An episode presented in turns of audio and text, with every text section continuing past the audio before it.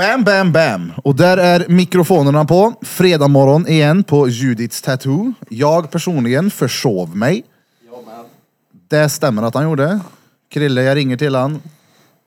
Vi får snabba oss nu. Då tar han en dusch. Ja men när du ringde mig, då, det var ju, du, du var ju min väckarklocka. Jag var ju det. Vi får eh, presentera våran gäst här, men det gör vi efteråt att kungen i djungeln har tagit vårat fredagsintro. Kungen, Andreas Liljebun, Charles Svärd, Mondo, Krillson, Felson Pelson Barbosa och SM-vinnare i thaiboxning. Dalian Dabudi. Kör nu! Nu Har du fredagsmys? Hoppas inte föräldrarna dör. Nu har du slut på veckan. Det är dags för fredagsmys.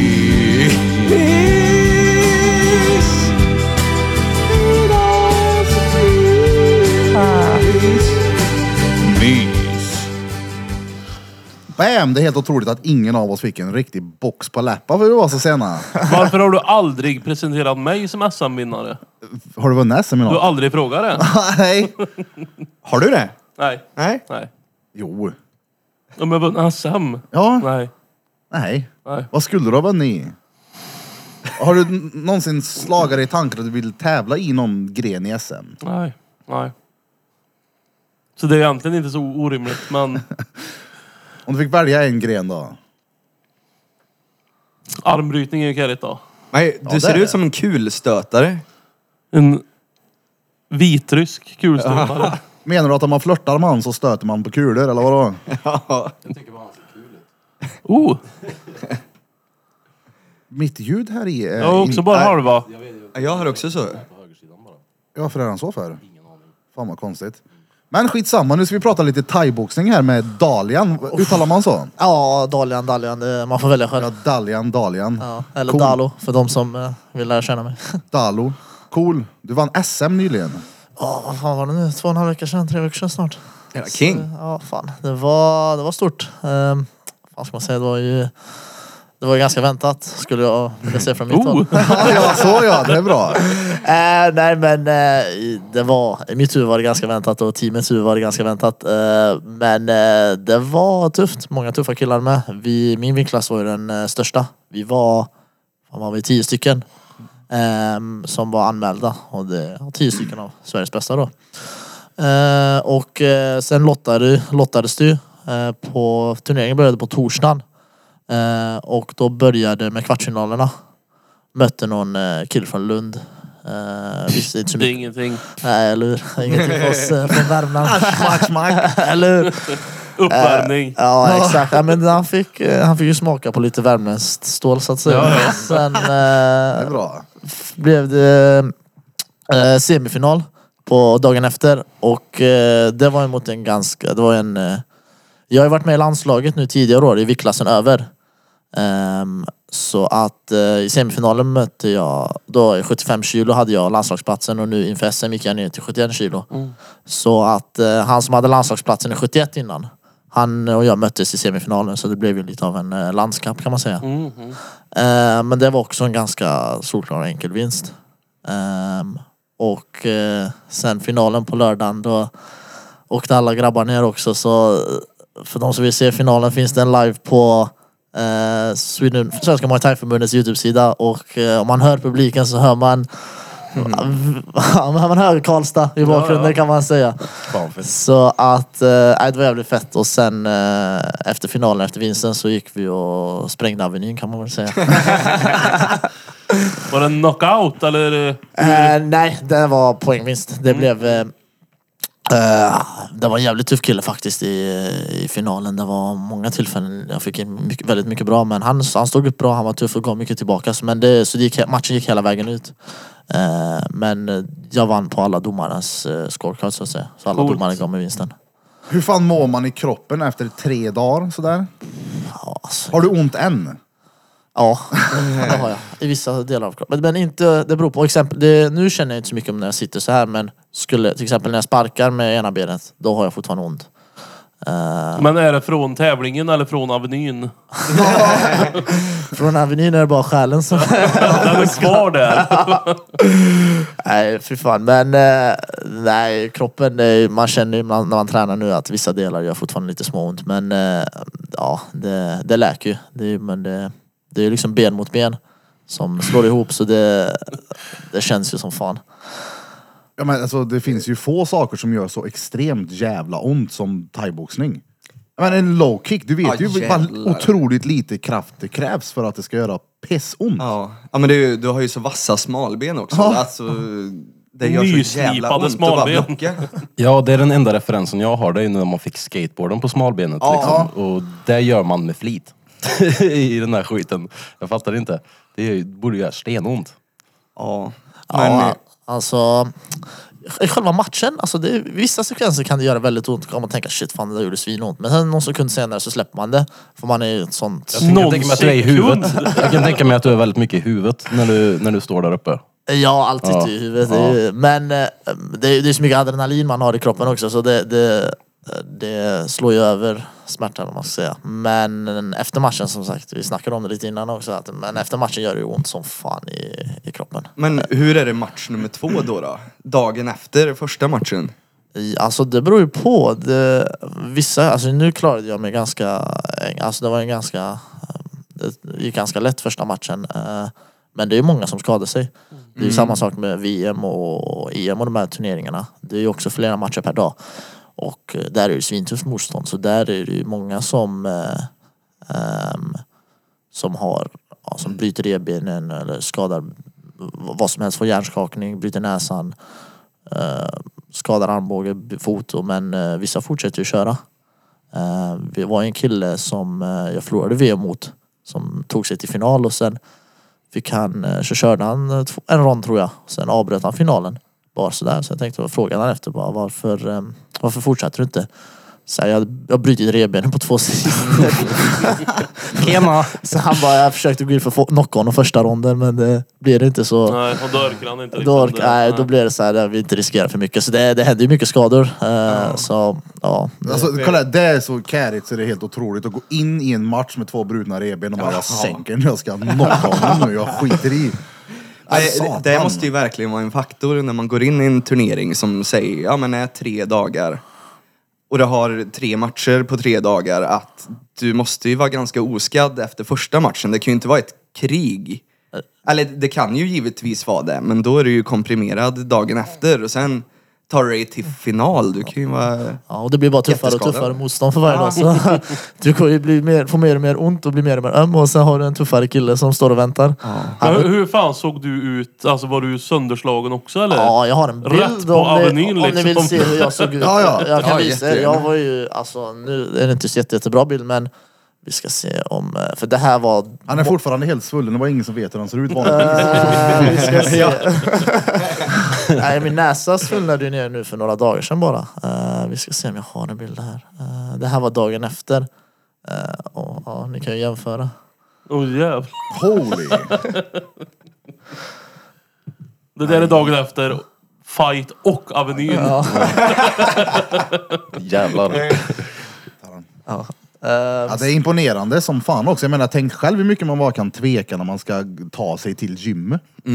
Eller göra någonting som är Verkligen. fysiskt ansträngande. Men jag, jag tänker din motståndare i finalen, vad tufft det måste vara för han att ja, men, ha alla de skadorna och ha förlorat.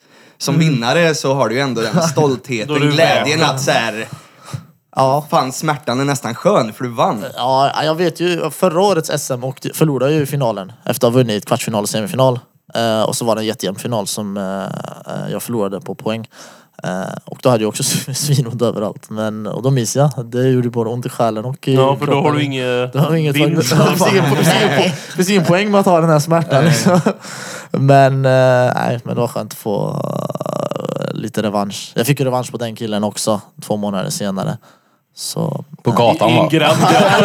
jag tog på parkeringen jag såg han. Han skulle in och träna.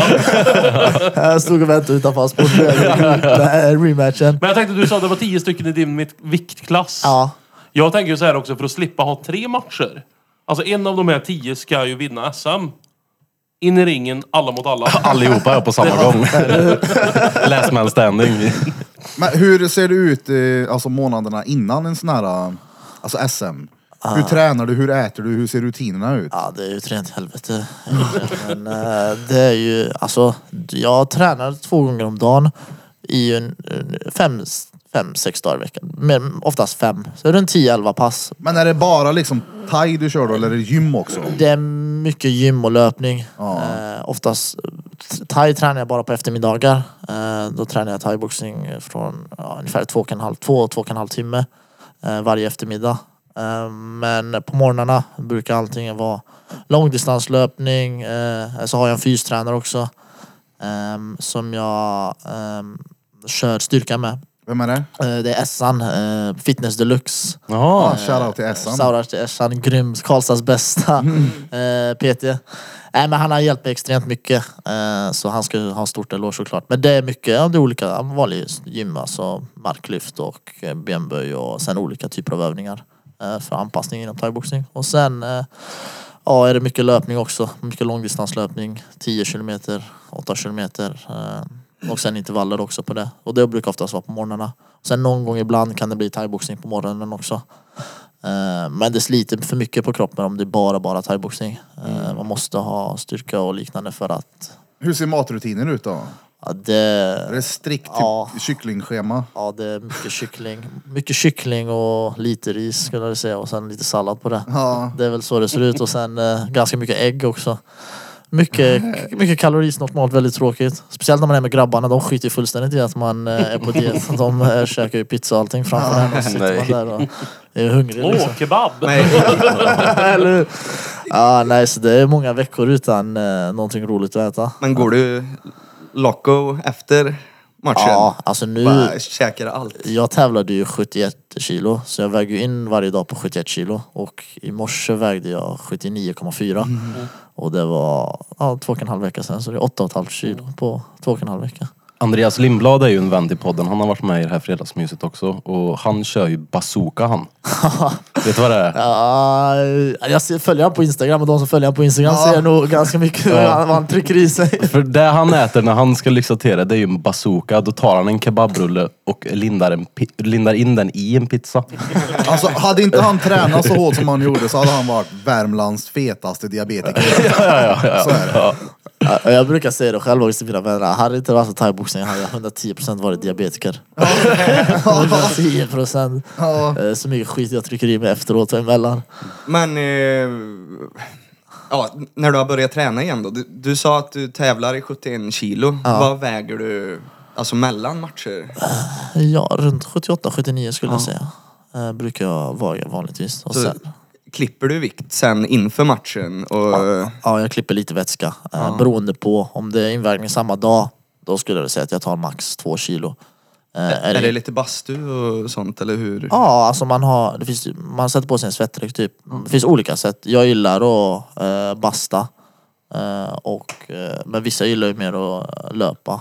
Mot löpan typ. Eller slå på mitts. Alltså du, det är bara du svettas i princip. En svettdräkt. Ja, det är typ en plast... Eh, alltså det, jag vet inte hur jag ska förklara det. Alltså du får, en- det är en jacka och ett par byxor som är gjorda av plast typ. Så sitter och det suger ut vätskan ur kroppen. Eh, Jag har den på mig nu, du kan få prova den sen. Ja. Eh, Men är det invägning dagen innan så kan jag klippa lite mer. Då kan jag ta en 3-4 kilo. Mm. Eh, Men det är också tufft. för Du sitter ju helt uttorkad och bara dagdrömmer om vatten liksom. Men ändå SM-guld för två och en halv vecka sedan. Ja. Och så när vi kom förut så var det så här, fan jag måste dra, jag ska träna om 40 minuter. Alltså, har man inte en månad ledigt i alla fall? Ja, alltså det, jag ska ju till Thailand faktiskt om eh, dryga månaden. 13 Om 40 minuter. 40 minuter ja. Jag tar flyget efter eh, Står podden. en tuk-tuk och väntar vid Solfärge. Nej, så jag måste ju börja komma i form nu någorlunda. Ehm, Något. Ja, nu får du fan skärpa dig. nu, Fan. så att, eh, ja, men eh, den... eh, Ja, fan. Det, Vad är nästa mål då? Alltså vad tränar du mot nu? nu tränar jag. Nu blir det ju träna mot Thailand. Eh, och åker om en månad. Där bort, jag kommer vara i Thailand i, i tre månader. Och Oj, bo, bo där på ett gym. Ehm, Och, Och så eh, bo i bänkpressen. Ja, men- Sova där på. Eh, så bo ja, träna där och leva där och äta där och fightas där och bajsa där och eh, ja, le- leva med thailändarna liksom. Men heter det thaiboxning där eller heter det bara boxning? Nej, de, de heter ju, de säger ju muay thai. Ja, just Eh, så det är det, men ja. De, eh, nej, det är unikt folk, eh, thailändare, väldigt unikt folk. Eh, de är svårt att förklara om man inte har eh, levt eller träffat på dem. Jag var, bodde på det gymmet också för dryga två veckor, tre veckor inför eh, när jag var, tävlade i VM 2021. Eh, så det är, det är ett väldigt unikt folk. De är jag vet inte hur man ska förklara. Det är som att de, eh, de är, man märker att de, det är ett land som ligger långt efter oss. Kan man säga. Men är det så som man, eller som jag tänker, alltså de är drillade från att de är pyttesmå. Ja, är det disciplin, står och eller? sparkar på en jävla lyktstolpe liksom. Alltså de är, ja nästan. Ja, De det är är, ju- så, de är ju det- drillade från de är, de har ju gått matcher sedan de var typ sju år gamla, åtta år gamla liksom. Och, men eh, ja, sparka lypstolkar det... Nej men alltså de, de ja, börjar... De börjar skittidigt och de, eh, de, de tränar ju stenhårt liksom. Eh, Jag vet inte, de är stenhårda. Där. Ja. Nej det är ju det, det är sjukt där nere. De är helt sinnessjuka vissa av dem. Och Thailand i allmänhet, de som har varit där, alltså Bang Bangkok liksom, det är en helt eh, galen stad. Det är ju, man får ju vara, ja. Hur länge skulle du bo där sa du? Tre månader. Så det är från november till eh, februari. Så att, eh, ja. Det, då kommer jag fightas där nere också. Förmodligen möta en massa tuffa thailändare. Så det, det blir... Skö- Skön semester. ja, ja. Så jag slåss. Varannan vecka så var näsan avslagen. Ja, nej, men folk eh, brukar ju, alltså, säger till mig fan fett att du ska till Thailand och alltså, jag brukar alltså det är ingen Men solsemester. de tänker ju pina Nej, colada. Jag och- tänker pina colada och solstrand. Jag vet ju det. Det är liksom sex på morgonen är det löpning och träning och sen är det träning igen på eftermiddagen. Och sen, Det, det är näsblod och svettdräkt Ja, liksom. det är ingen bärs och katojer. Nej exakt, så du, du, du ser inte så mycket utanför gymmet. Du kanske kan gå någon promenad runt området på kvällen och det, området ligger liksom i Ja, inte så jätteroligt område i Bangkok så det... Ja, och sen någon vacker dag så vaknar du upp och så säger de att ja, du, du har haft match. Ja, jag- skulle ju på ett sånt läger eh, för något år sedan. Men det, det var samtidigt som jag träffade min tjej så då blev man så här tuntigt nykär så jag kände ah, jag drar nog inte till Thailand för jag skulle till norra Thailand och bo där en månad då, på ett gym. Jag, jag är inte duktig på thaiboxning ska tilläggas. Jag är ju verkligen amatör. Men ändå en bra och kul grej för att komma i form även för amatörer. Ja, det är jättemånga som äh, åker ju liksom... Alltså det finns ju många, det beror på vilket gym man drar till. Det gymmet jag drar finns det nog inte så mycket motionstränare eller... Men i allmänhet, speciellt i Phuket och de här ställena är det jätte, jättemycket ja, turistgym eller vad man kan kalla dem. Ja, Jag, jag tänkte dra till norra Thailand för jag har problem med värmen. Så då tänkte jag, är, är jag uppe i bergen så är det lite svalare. Jag tror mest att du åker på regn då, det är fortfarande varmt. Ja, gärna.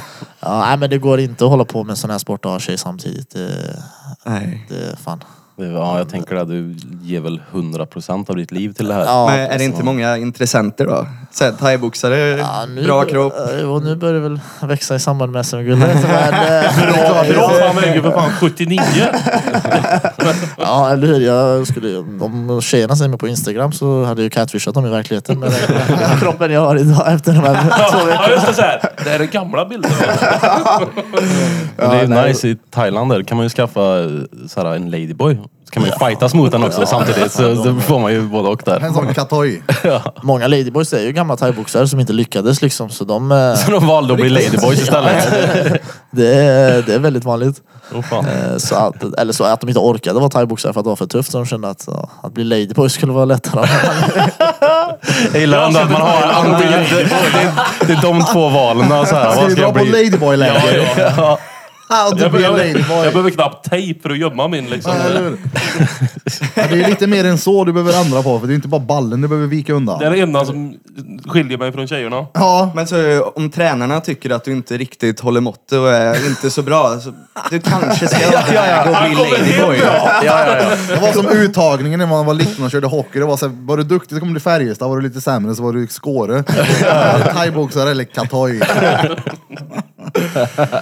Nej men jävlar vad fett. Jag menar den här titeln SM, det har ju verkligen inte kommit gratis. Det har ju slitit timmar med det här. Ja, det har varit... eh, Jag har bott på gymmet nu känns det som och bara levt där. Man hamnar ju när man är i ett sånt fight camp eller vad man kan kalla Ja det. men det är imponerande för nu har du gått upp åtta kilo och nu ska du in igen Ja, och och ner. göra samma sak. Ja. Ehm, jag vet inte när min första match i Thailand kommer vara, men så som jag förstått det så kommer den redan vara bokad och klar innan jag åkt ner. Så det, nu börjar ju stressen komma lite. Att, okej, Jag tänker han går av flygplan. Ja, så, det kan ju vara lite vad som helst. Att det kan bli direkt liksom, veckan därpå eller någonting. Så det känns att jag måste börja redan komma i form. Liksom, så att, Just det, du måste träna innan du kan börja träna. Ja exakt, börja träna innan jag kan börja träna. Det, det, är ju lite så att, för det är ju, direkt när jag kommer ner dit så vet jag att det kommer, det kommer vara stenhårt från, från, från start. För så var det senast. Och nu kommer de veta att jag ska matcha där nere också. Nu kommer säkert drilla mig ännu hårdare. Så kommer jag ner dit med liksom, eh, har festat i en månad och bara ätit massa pizza och alltså, det kommer ju vara ett helvete de första Ja två men veckorna. exakt, speciellt när de vet vem du är också. Ja. Här kommer SM-vinnaren. De kommer börja på riktigt Kommer med utan- bulmage. Nu kommer den här jävla svennejäveln nu du. Ja, ja, de, eh, de, jag minns ju senast när jag kom dit. Då, och nu kanske det är lite mer eh, från eh, västvärlden där, alltså europeer och så vidare. Men när jag var där senast var jag den enda som inte var thailändare nästan. Så att eh, jag tror de hade, eh, jag vet inte om de har någon ritual eller någonting för att liksom sätta mm. västerlänningarna på, eller ja, västeuropeerna på plats. Så jag kom dit och sen var det mitt under träningspasset. Så de som vet inte, clinch finns ju i thaiboxning. Det är typ en form av stående brottning. Ehm, och eh, så på det här gymmet finns det massa superstjärnor. Så märkte jag att en av de här superstjärnorna kom fram till mig och du och du, jag kör. Så jag bara, ah, okej absolut. Um, och sen märkte jag att alla andra i gymmet uh, började ställa sig runt om ringen. Och kolla på när jag och han skulle köra. Så jag och började fnittra och liksom snacka thai och skratta. Så jag bara, ah, vad fan är det som händer liksom? För annars är alla liksom fokuserade på sitt. Uh, Så stod nästan mer eller mindre allihopa runt våra, vår ring och tittade när jag och han clinchade. Och han liksom kastade mig höger och vänster. Jag ställde mig på han, jag han kastade mig om och om, om, om, om igen. Och alla de här skrattade och pekade och fnissade. Och, och jag tänkte, vad fan, vad fan, vad fan jag, jag, får, jag ska bara försöka stå upp. Jag ska inte försöka liksom clincha med henne. Jag ska bara försöka hålla balansen och inte bli kastad. Men eh, det gick inte. Jag blev kastad höger och vänster. Och de här thailändarna bara stod och skrattade åt mig och fnissade åt mig. Jag kände mig Ja, fy fan. Så jag, kommer, jag misstänker att vi kommer åka på en sån grej igen nu när jag kommer ner. Att de, de vill sätta det på plats Det är en lite. ritual. Men typ, här. var det en boxare eller ladyboy? Boxare nu men det kan bli en framtida. nej, nej, men han är, han är grym så han lär ju fortsätta vara boxare men eh, ja, det är sjukt. eh, Men, sjukt. eh, finns det många thailändare i din eh, viktklass?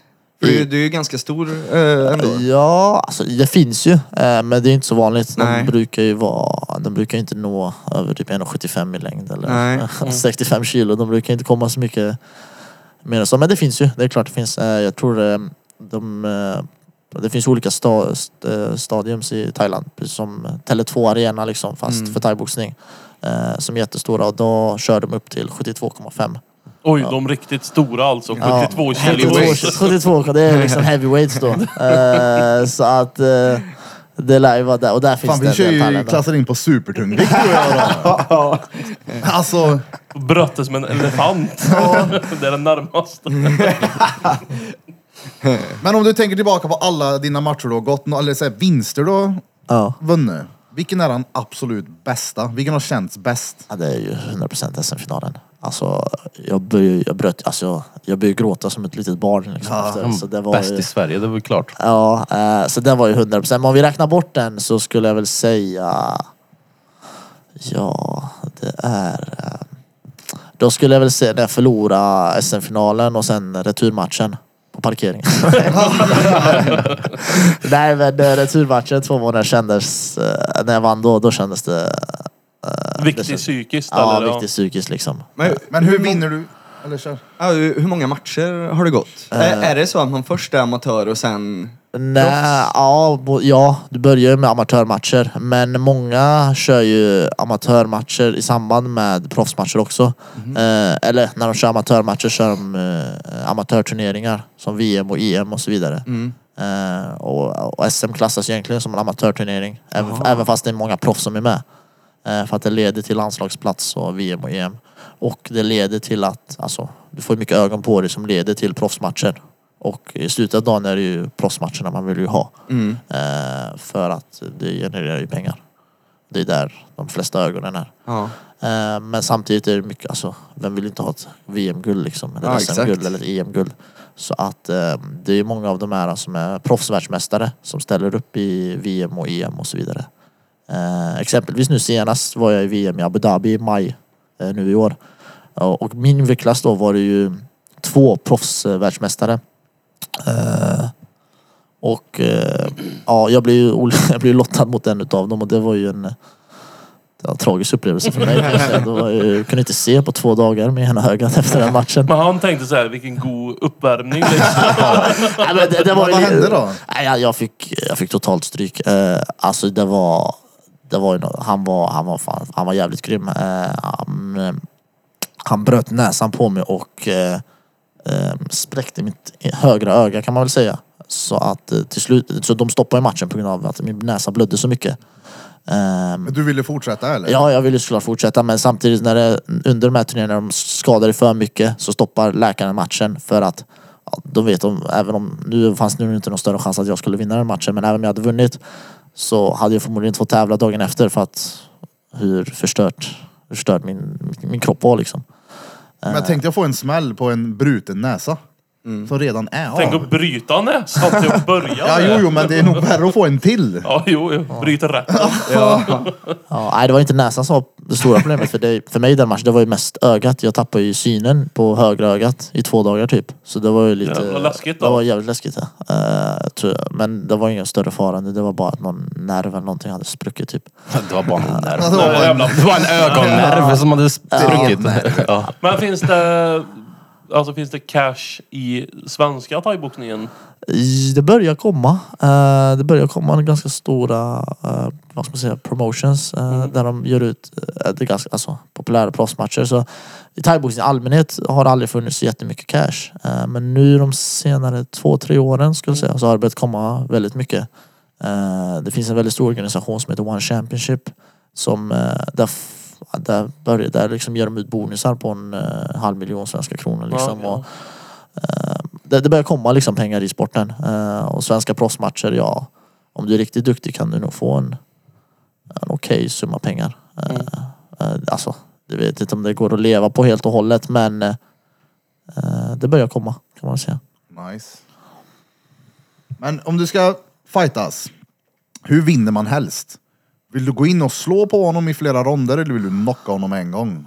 Alltså, ja, helst, helst att han får smaka lite. Ja, sen Och knocka. sen knocka han. Det, Ja. För då har man ju liksom verkligen... Båda, liksom. Ja, då har man ju... Då vet man, då har jag totalt kört över honom liksom. Eh, alltså sen är det ju... Men studerar du fighten innan? Du kollar hur han kör, kollar på tidigare matcher, hur håller han garden, vad ska jag sikta på nu, hur ska jag... Både jag, alltså jag, jag, brukar kolla lite men eh, det brukar aldrig, alltså jag brukar aldrig fokusera på något specifikt för jag tänk, jag brukar bara, det brukar gå bäst för mig när jag bara går in och kör mitt liksom. Eh, så får han komma med det han kommer. Men, Gör din coach något sånt eh, arbete inför matcherna? Eh, Alltså ja, han småkollar ju också. eh, Men vi, vi har den inställningen att eh, alltså, vi- han, min coach är ju väldigt, väldigt, väldigt erfaren.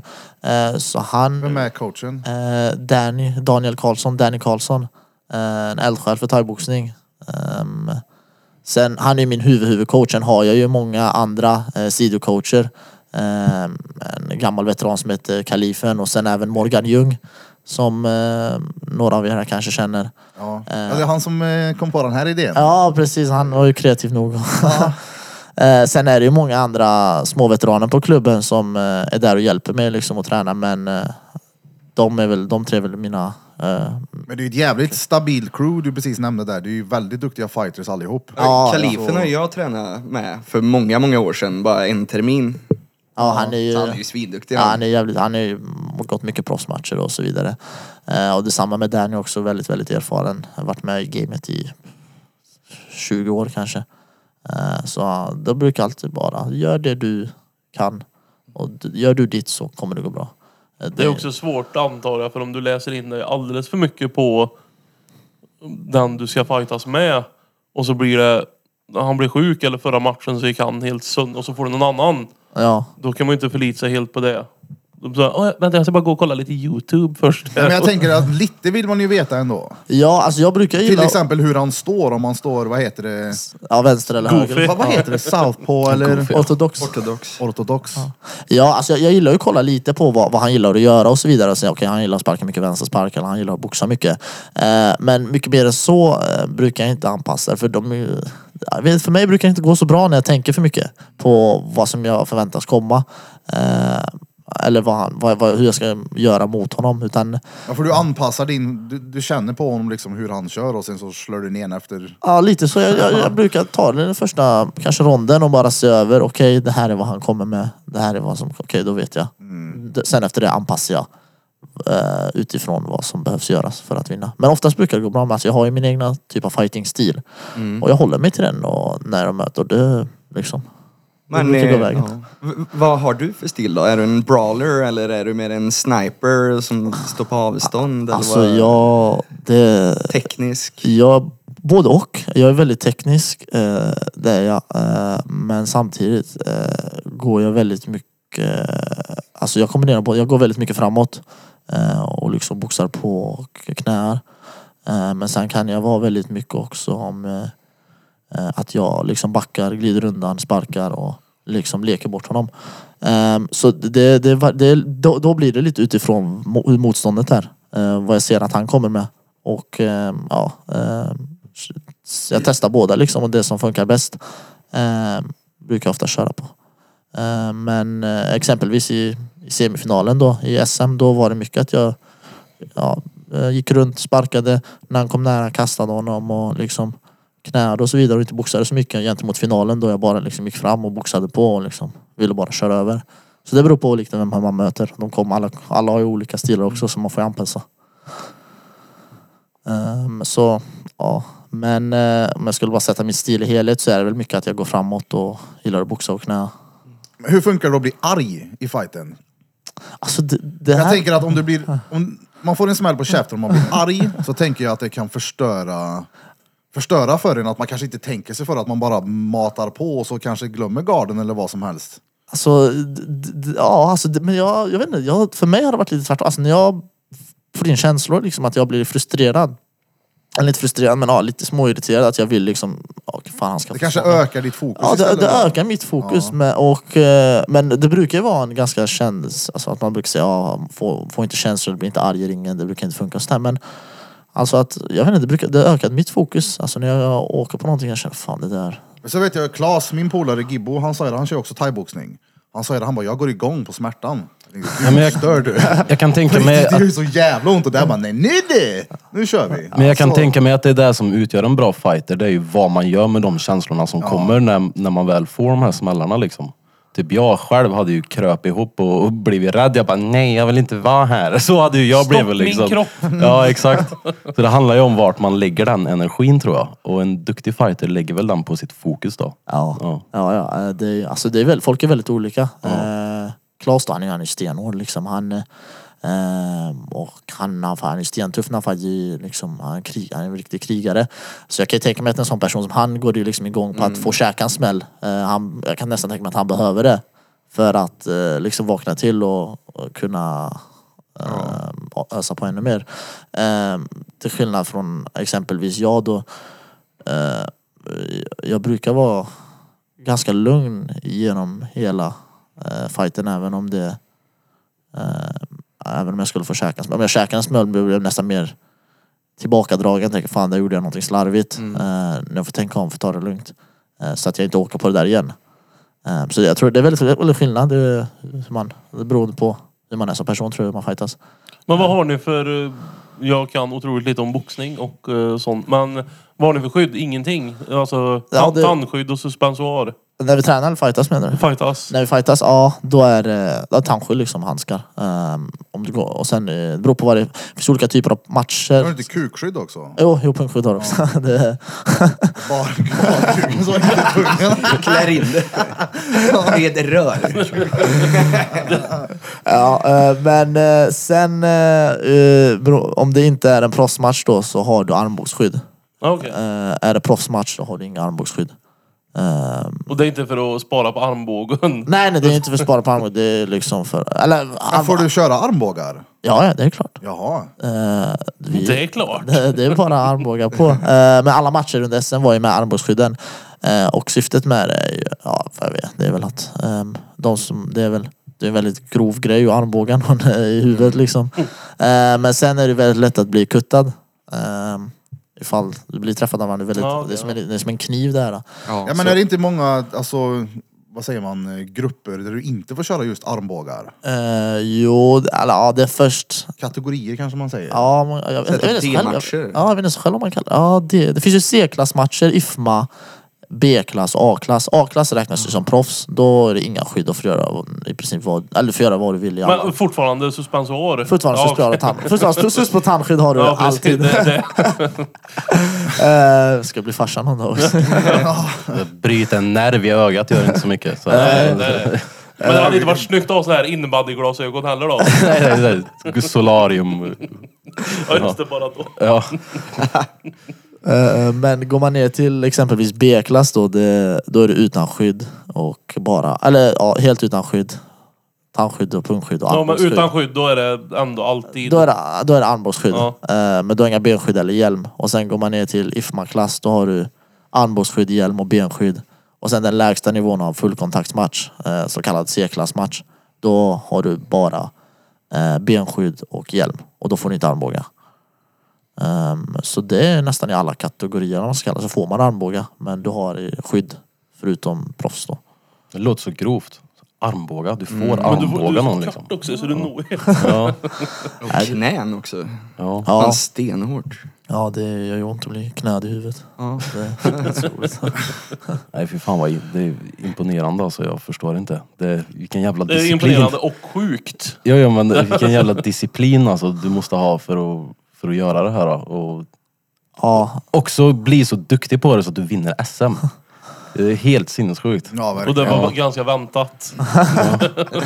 Ja men det, är- det är mycket, väldigt mycket, väldigt, väldigt mycket träning och väldigt mycket disciplin. Alltså det gäller ju att hålla sig från alla alltså, Frestelser. frestelser. Ja, ja, ja. Det är mycket liksom, eh, alltså, det är inte så jävla roligt och liksom, så, när grabbarna ska ut och festa och man själv, ja, jag ska på träning imorgon. Jag ska springa Nej, Jag milen. ska springa milen imorgon också. Jag går och lägger mig nu, vi hörs. Men det är alltså ändå, det är så här, att livet är ändå, det, det, det är ju mer än 20 års åldern där liksom. Det, det, det är värdare för dig tror jag att lägga tiden på det här nu och så har du det här bakom dig sen när du blir gammal så kan du leva gött då och Ja, göra alla de här grejerna precis. som... Nej, som fe- fest finns ju alltid kvar så att säga. exakt, Och så exakt. studerar du också. Ja precis, jag läser uh, civilekonomi på Karlstads universitet.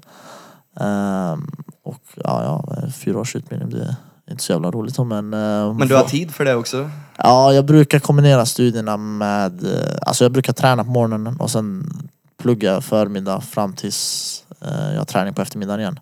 Och sen uh, jag tränar jag på eftermiddagen och sen går jag hem och sover typ. Det är inte så mycket. Det är det. Ja, ja, verkligen. Så, ja. Alltså det, det, thaiboxning ger ju en viss disciplin också så att man, man kommer in i en viss, alltså jag vet inte, mentalitet att man vill typ vara driftig vad man ska säga. Mm. Så att eh, det var, och sen eh, liksom studierna går i bra samband med eh, med träningen liksom. Det, det är många som eh, Få slag i huvudet och plugga samtidigt är bra kombination. men- Och slå in vet du, kunskapen hela tiden. Ja, men eh, så förhoppningsvis hinner ja, inte tappa för mycket hjärnceller så hinner jag klart utbildningen. Nej, fortfarande hjärnan funkar. När tar du VM-titel då? VM alltså jag hoppas, eller hoppas jag ska ta VM-titel eh, nu maj 2023 blir det. Då är det, då är det VM i Bangkok igen. Ehm, och tidigare har jag ställt upp i senior-VM, eh, eh, senior-EM senior-EM och senior-VM. Ehm, eh, av någon jävla anledning. För det har funnits U23 som jag inte har ställt upp i. Och, men nu, så nu ska vi köra U23 nästa VM. För ja, det blir, jag är 22 nu så det är min sista möjlighet att köra U23. Eh, och sikta på att ta ett VM-guld där. Och sen eh, får seniorerna också smaka. Fan vad fett! Jag vill, jag vill se det här nu! Kom igen, ja ja, det är klart du ska träna för det här. Då. Ja, ja, det, så det, men eh, Shit. första, ta- första målet är ju Thailand och matcherna där. De kommer ju vara svintuffa också, minst, om inte tuffare liksom. Eh, så att eh, vi får väl se. Och sen vad, vad det blir i våren. Eh, fram tills dess innan maj. Eh, lär ju få in någon match här i Sverige förhoppningsvis. Eller någonstans i Europa. Vart var SM? SM var nere i Varberg. Eh, så ja, ganska tråkig stad men eh, ja, man får väl. Göteborg var nära. Man får, får väl åka dit och vinna SM. Ja, att, eh, eller sen får Ja, man exakt. röra sig mot Göteborg Avenyn. Eh, men eh, nej, men eh, Varberg är en väldigt stor thaiboxningsstad. Eller alltså, stor, en stor thaiboxningsklubb. Så de tog, kände att de vill ta sig an det, antar jag. Mm. Men ja, det hade varit roligare i en storstad. Ja, det förstår jag. Fan vad fett. Ja, det var sjukt upplevelse, svårt att beskriva i ord liksom. Hur, det- hur, det, hur det var hur det kändes. Men eh, att vara bäst på någonting liksom. Typ, jag är bäst i Sverige, din fitta, fuck you. Den attityd. ja, Ja, det, det, den Jo, men- attityden kanske men jag tycker ändå inte att så man... ödmjukt men... Nej nej, men alltså, men det är klart man ska vara ödmjuk men samtidigt så förtjänar man ju liksom i alla fall att ha den där... äh, Nej, men jag älskar att se fighters när de har sånt jävla överdrivet självförtroende och... Ja men just fighters också, du, alltså, du- så, här, så, som, så mycket som du lägger ner dig på den här skiten liksom. Du förtjänar att, att bara säga fuck you, jag är Ja, bäst. ja, hundra procent. Men sen gå över till ödmjukhet såklart. då. Det är klart att det är viktigt också. Det är klart Som det det är här viktigt klippet också. när Conor McGregor står och säger, när han har båda bältena, och så säger han bara I wanna take this chance to apologize to absolutely nobody. alltså det är så fett så det är helt otroligt. Ja, det, men man, man får lite den känslan. eh, Nu har den ju släppt lite, nu börjar man landa lite på jorden. Men de första dagarna kände jag mig som, då känner man liksom som, liksom, vem, vem, vem, vill säga något? Vem, vem vill, ko- alltså, vem, det var liksom där, jag är bäst i Sverige. Ja. Eh, men, eh, och då känner man sig liksom, man känner sig liksom, man känner sig, jag har inte skyldighet till någon eller något. Men sen, jag tror det sakta men säkert, sen släpper det ju. sen är det dags att gå till gymmet igen. Ja, sen dags till gymmet igen och sen vinna något nytt och så får man uh, känna sig som en kung igen i några Det är nyttigt att det några släpper dagar. men den känslan är väl helt obeskrivlig kan jag tänka mig. Ja, det är... Jag hade aldrig känt den förut förrän efter SM-guldet. Det var såhär, wow, nu, jag känner, alltså man, Du vill ha mer? jag vill ha mer liksom. Jag vill känna, man, vill, alltså man känner sig... Alltså man känner sig som en kung liksom. Ja. Man, man vet det. Fast eh, sen är det svårt att tänka in bara att shit, man är bäst i Sverige på något. Det är liksom... Det, är- alltså, det är svårt att tänka bara att jag är bäst i Sverige men... eh, ja, bara att säga det låter ju helt sjukt men... Ja. Men är det så liksom nästa år, ska du försvara titeln? Eh, ja. Funkar det så liksom? Ja, alltså det blir ju att jag får ställa upp i SM igen och sen mm. gå samma visa liksom och köra kvartsfinal, semifinal och så blir det att jag är regerande mästare så får, vinner jag så blir det som att jag försvarat min titel. Eh, så att ja, det Ko- blir kolla med dem om ni ska göra den här alla mot alla 10. Ja, jag ska föreslå den. För jag är bäst i Sverige. Ja. Alla på mig samtidigt, det spelar ingen roll. Alla i Sverige för han är bäst. Alla ja, alla ja. Ja, det är bara att rada upp sig. Men bara om ni väger 71 kilo. Ja, eller hur. Fan, ska inte ha massa tungvikt hit. Så Sitta och uh, hoppa på mig. Nej. Hur mycket skillnad är det om du gick 75 kilo förut sa du? Ja, Och nu 71? Alltså, Alltså- vad, vad är skillnaden i trycket i dig eller i... alltså man kan inte, det, det, det är ju egentligen bara fyra kilo så det låter inte som så jättemycket. Eftersom du har gått upp 8 nu så, så känns det, nej, men alltså, det känns ju som att det är... Men eh, själva ma- match, alltså när man ser vilka som tävlar i 75 kilo och vilka som tävlar i 71 kilo, man ser storleksskillnaden. Det är så, Det ja. är stor skillnad. Eh, det var en av anledningarna till att jag gick ner i viktklass för att när jag väl kom utomlands liksom och såg de här ryssarna och, och från alla världens hörn. Alltså de är 75 kilo, de här seniorerna var ju liksom stora. Eh, och de var, de var, ja, de var större än mig liksom. Och, eh, och jag hade innan varit, jag hade inte varit så jättenoga med diet. Alltså, inte att jag äter dålig mat men att jag åt ganska mycket. Eh, så att eh, det gick, jag gick inte ner så jättemycket.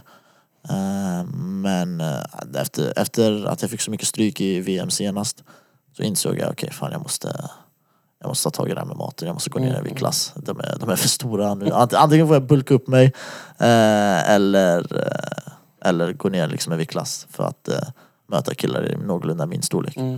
Vad- Kände du några andra effekter utöver att du gick ner i vikt? När du började tänka på kosten mer? Ja, jag var arg hela tiden för jag var så hungrig. så att det liksom, det blev som en, eh, alltså, jag, vet, alltså jag sa det till dem på gymmet också, alltså, att vara så här lite småhungrig och irriterad hela tiden ger liksom en, en, en extra kick i träningen och mot SM. För då, då blir det som att nu har jag, de här, det är deras fel. De jag möter. Det är deras fel att jag är så här hungrig. Det är ert fel liksom, som jag, det som jag vill ta ut det på dem. Du är som en hungrig varg. Ja, det var verkligen som en hungrig varg, liksom ett lejon som bara väntade på att få äta. Så det var liksom så det kändes. Eh, och jag var bara liksom ville släppa ut det på dem. Så att eh, det gynnade mig typ att vara på en diet, alltså mentalt. Så även fast det var väldigt jobb, eh, ja, även fast det var jobbigt liksom. Men ändå fett att man, att, alltså, att ha så i livet att någonting som är lite negativt, att du ändå kan använda det till någonting som gynnar dig. Ja. Det, jag vet inte, Ja, det, det, var, det kom bara automatiskt. Jag, jag tänkte inte ens på att det skulle bli så. Det bara, det bara blev att jag blev bara jag var irriterad. Liksom. Och nå, någon jävel ska få, få den här irritationen. Liksom. Så det blir, Jag tycker att vissa dagar när jag vaknar på morgonen och blir arg, blir de bästa dagarna. För då tar jag mig till gymmet och gör massa jävla skit för jag är just förbannad. Ja, alltså ilska Ja, det, är, ja, det är så jävla bra. ja, ilska är en skitbra drivkraft. Alltså, det är väldigt underskattad drivkraft. Ja, ja alltså. men folk som säger att man har aggressionsproblem. Ja, problemet blir ju när du inte använder energin till någonting Exakt. bra. Ja, exakt. Så tar du det till att fokusera så är det ju asbra att vara arg. det är där disciplinen kommer Exakt. in. Ja. Ja, Det, det bästa brukar vara om, det, typ, ja, om man eh, är arg över eh, Jag har haft perioder typ om man har snackat med någon tjej eller något och sen har det liksom gått åt helvete. Och så är man skitsur på henne eller skitsur över situationen. Det brukar ju vara som galen motivation. Då ryker det Ja, på då gymmet, bara, alltså. ah, nej, men då, då ska det bli såhär, okej, ja men jag ska visa henne vad hon går miste om liksom. Eller, Mm. eller någonting. Alltså, typ en sån typ av ilska, allmän, alltså bara ilska från något annat håll liksom. Att, eh, alltså att man blir trampad på på något höger eller vänster. Det, alltså, det brukar ju, för mig brukar det vara typ den bästa typen av ilska och motivationen. Liksom, och jag, nu ska jag visa vem, vem jag är liksom. Man skriv till alla dem nu att nu är det SM-guld. Men jag tänkte det, det är ju ändå en tunn linje där liksom. För det, även där, alltså det krävs ju disciplin åt båda hållen. För jag menar, en farlig grej kan ju vara att man söker upp problem. För att man vet att det fungerar som bränsle. Förstår du vad jag menar? Ja.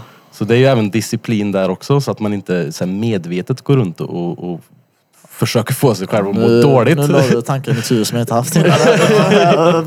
Han ska ut och jaga nu. Ska gå ut och bli sårad bara för att... exakt, Så exakt. här, Råöppnar sig första dejten. Eh, nej men uh, alltså, för mig är det inte bara just eh, om man, alltså, det är alla typ, all, all form av ilska. Vet jag inte varför det har funkat så bra för just mig. Alltså, det är alltså, som en mo- motivation och liksom vilja. Men det är stenbra. Det, det är för att du har disciplin. Du kan använda det till någonting som, som gynnar dig liksom. Ja. Tvärfett. Ja, men det är, ju- alltså när man är arg, du ligger ju inte kvar i sängen eller sitter i soffan när du är arg. Jag gör det. Ja, jag tänkte också säga det. Jag ska säga att det är den absolut bästa drivkraften. Jag menar bråka med bruden på morgonen eller dottern hon tjatar hål i huvudet på mig. Nej, det är det inte för mig. Nej, jag, jag får inte ut samma sak där. Inte? Nej, nej, nej, nej. Nej, jag måste nog ha att jag är glad och välmående. Då, då tar jag mig an väldigt mycket saker och vill fixa och städa och ordna olika saker och träna och... Fan, nu ska jag äta bra. Nej, nej, jag, Bada, jag är typ. tvärtom. När jag är glad och lycklig då vill jag, vill jag bara ta det lugnt och äta pizza liksom. Och bara, alltså, det, det, jag behöver ha det dåligt för att kunna liksom prestera. Det var ju som, eh, jag märkte när vi bodde i lägenhet innan, väldigt, väldigt, väldigt liten lägenhet. Eh, och jag hade ett jättelitet rum. Det var kanske, alltså jag hade plats med, med en Du var tvungen att stå upp. Ja, alltså, jag, jag, hade, jag hade plats med liksom en säng bara. Det var, och så ett jättelitet skrivbord. Eh, och, och jag liksom slog i mig varje dag och det var liksom... ehm, och jag orkade aldrig vara hemma. För att det var så tajt liksom. Och jag kunde inte bara sitta i det här rummet och det var som en cell. Mina vänner brukade kalla mitt rum cellen liksom. På, Ehm, och det var, och sen, eh, och, eh, sen när vi flyttade eh, och då flyttade vi ut, vi flyttade för typ ett år sedan. Så flyttade vi ut till en villa. Eh, och så helt plötsligt hade jag jätte- jättemycket plats. Alltså det var helt, jag, jag var ju hemma hela dagen och bara gick runt i mitt rum. Jag hade jättestor säng, jag hade en tv i mitt rum. Det blev, och så märkte jag liksom, jag blev liksom slö i allt. Liksom träningen blev jag slö med, skolan blev jag slö med, jag blev helt bekväm. Och så började jag tänka, vad fan, vad fan vad hände med mig? Och så, det var för att jag började få det så bra i livet. Liksom. Jag, började, jag började få det bekvämt. Så jag måste tillbaka till, eh, Cellen. till cellen, till, liksom, till liksom ha det liksom tufft och ha det jobbigt. För det, är liksom, det drar igång mig. Du får hyra att- någon sån här källarrum någonstans. Ja, men Eller typ ställa så in, eller lägga in en madrass på golvet där liksom. Ja, nej, men du vet, jag börjar, jag börjar göra sådana skumma grejer. Typ, fan, eh, inte sova för länge eller för bekvämt. Och det, nej, ja. Inte äta och, och inte kolla TV typ bara för att det inte ska bli bekvämt. Tills jag, nu har jag lyckats eh, kombinera det men det är fortfarande jag håller på fortfarande på att lära mig liksom. Jag bodde i den här cellen i sju, åtta år du vet. Så det, samtidigt som jag tränade thaiboxningen så det var ju liksom Ja det var det som fick igång mig. Fan jag ska bort från den här skiten typ. Fan, de här, beklä- så här bekvämligheterna kan ju vänta ett tag. Ja men exakt. Ja, Ja, Det, de försvinner inte. Nej. Så det är bara att fortsätta kötta som du gör och så kan du vara bekväm om några år Ja, sedan. exakt. Nej, jag märkte bekvämlighet, det, det passar inte in på mig. Jag ska inte ha det bekvämt, då blir jag arsla. Bam, där är vi tillbaka. Tog en liten bensträckare och lite påfyllning på kaffet. Dags igen. Det blev ingen träning idag. Ja, nej, ni fick ju... Um, vad heter det? Din eh, kalldusch gick ju före min träning. Ja. Förlåt Det var det alltså. VMet. Ja. Ser du, så fort du blir vän med mig så bara försvinner all den här disciplinen och alltihopa. Så här, det smittar av sig direkt. Ja, Krille gör dig bekväm. Ja, ja, ja, ja, exakt, ja, ja, ja. exakt. Nej men eh, skulle det vara så att jag förlorar nu framöver så vet vi vad jag Ja. skyller på. Ja, ja, då får du gå en match mot Krille. Det, det, det, då förtjänar jag, jag kommer inte göra något motstånd. Det, det är bara att slå på. Jag tror inte det spelar någon roll. inte jag heller. Okej, jag gör ingenting. Eller om du gör ditt allt. Det är exakt samma tror jag. Ja, förmodligen. Jag har slagits noll gånger i hela mitt liv. Noll kondition också. Ja, jag har ingenting ja. Ja, men, har, du, har du sparrat någon gång mot någon som kan fightas? Nej, jag har inte det. Ja, men ni har det? Ja, Ja, du går ju i många thaiboxning så gånger. du har gjort det många gånger men det är ju stört omöjligt. Ja, ja. Alltså, någon som är duktig kan ju göra exakt vad de vill med en. Jag menar som när jag kör mot Klas, vi har ju kört ett par gånger för skojs skull, och han är ju väldigt duktig. Och jag verkligen tänker mig för att nu ska jag inte få en smäll i ansiktet, men så fort min hand släpper mitt ansikte så har han handen där. Han är så extremt snabb och så fort jag går fram så är det boff, skjuter han bak mig. Eller en spark i solarplexus, det går... eh, Jag hinner inte med. Jag hade inte haft en chans där. Ja, det Ta med mig böldträ om jag ska vinna där. Och alla trips också, att de fäller en. Att, eh, många är ju väldigt duktiga på att fälla varann i thai-boxning. Speciellt thailändare är ju duktiga på det. ja, jo, det är ju... Alltså det är väldigt mycket, väldigt mycket blick och timing liksom i det. Allt är ju, alltså thaiboxning är, jag brukar se det som att det behöver tre saker. För du, behöver, du behöver ett stort hjärta liksom, du behöver vara tuff. Eh, du behöver, jävligt, du behöver bra kondition. Eh, och sen behöver du blick och timing. Eh, alltså kunna se och tajma liksom. För då, du behöver inte vara snabb eller slå hårt ens då. Då räcker det med att du har, har du tillräckligt bra timing och tillräckligt bra blick så kan du där han säger timing beats speed, precision beats power. Precision beats exakt. Timing. Timing, timing. Timing, det är ju han. Nej. Ja, men det, det är verkligen så. Alltså, det, det är det som skiljer sig mellan eh, alltså, en fighter i, som är på amatörnivå och toppnivå. Uh, visst, han kanske sparkar och slår lite hårdare såklart också men det är mest blicken och tajmingen som är den stora skillnaden. Vart har du blicken? Vart jag kollar under fighter? Ja. På ballen hela tiden. På sin egen. Uh, jag Tittar i. Det är Tjejer i publiken. Ja, efteråt. Nej men hå- håller du koll på händerna eller ögonkontakt eller vart? jag brukar kolla, jag vet faktiskt jag tror jag brukar kolla runt bröstet, lite över bröstet ungefär. För då brukar man kunna se alla Alltså du rörelser. ser axlarna liksom. Jag Ja, kan men- tänka mig att efter han är så duktig så har han typ ett speciellt sätt där han se- får en helhetsbild liksom. Förmodligen. Alltså, alla, alla rörelser kommer ju från grunden, om, från höften liksom. Alltså slag och spark och liksom. Ja. Eh, så då när jag ser över vid bröstet så ser man ju när axlarna och man ser även höften. eh, När eh, allting, när slag eller spark kommer och då kan man ju liksom. hinna- Vi nybörjare får ju lära oss att kolla i bröstet här. Ja. Det är så. Ja, Ja men då, så, då har jag så, rätt men man kan nog frångå det också om man kommer lite till en högre nivå. Ja. Eh, ja men alltså bröstet är ju typ där jag brukar kolla också. Runt, runt det området. För då ser man liksom hela, då ser man liksom axlarna när han, om han skulle komma med ett slag. Och ser man även vid höften om det kommer en spark liksom. Eh, och då kan man ja, välja vad man vill göra ute, ute, utifrån det, liksom, det som kommer. Alltså det är så coolt det här med fighting. Jag som är sen noll insatt och aldrig har varit en fighter överhuvudtaget. Att det, att det är så jävla mycket mer än bara att slåss liksom. Att det, det, är så, det är så mycket hjärna i skiten så det är helt sinnessjukt. Ja, ja, ja. Det, det är fett Det, det är ju en imponerande. schackmatch. Ja, det är ju det. Som gör ont. Ja, ja, ja. Ja, Eh, ja men jag tror det är det som, jag tror mest också det är en stor missuppfattning att det, att, att liksom det inte är så vältränade människor liksom att det, alltså hur mycket kondition det är som krävs. Alltså, eh, om- just om jag skulle få välja bara att löpa eller bara köra gym, alltså lyfta vikter så hade jag ju valt att löpa. För så mycket mer ger konditionen styrka i, i en fight liksom. Ehm, så det, konditionen, alltså de som tävlar liksom, vi är, många är liksom elit, alltså löpare liksom också. Många maratonlöpare och liksom, för det behövs som kondition. Ja, Ja, det hade man fightat själv, då är ju konditionen kommer ju ta slut väldigt fort. Ja. Hur lång tid tror du man skulle ha om man skulle gå bara kötta allt du kan på en säck? Hur länge orkar man? 15 sekunder. Ja men, ja men det är det jag tänker. Alltså, jag har ju slagit på en säck någon gång liksom och jag blir trött direkt. Så, tre slag och så här, nej. Ha det gött, hej. Ja, tre är ju lite väl då, men Ja, säg men nu är 20, jag då en av de kanske mest det jobbigt. otränade människorna i världen också efter kungen i djungeln. Så ja, men nej så det...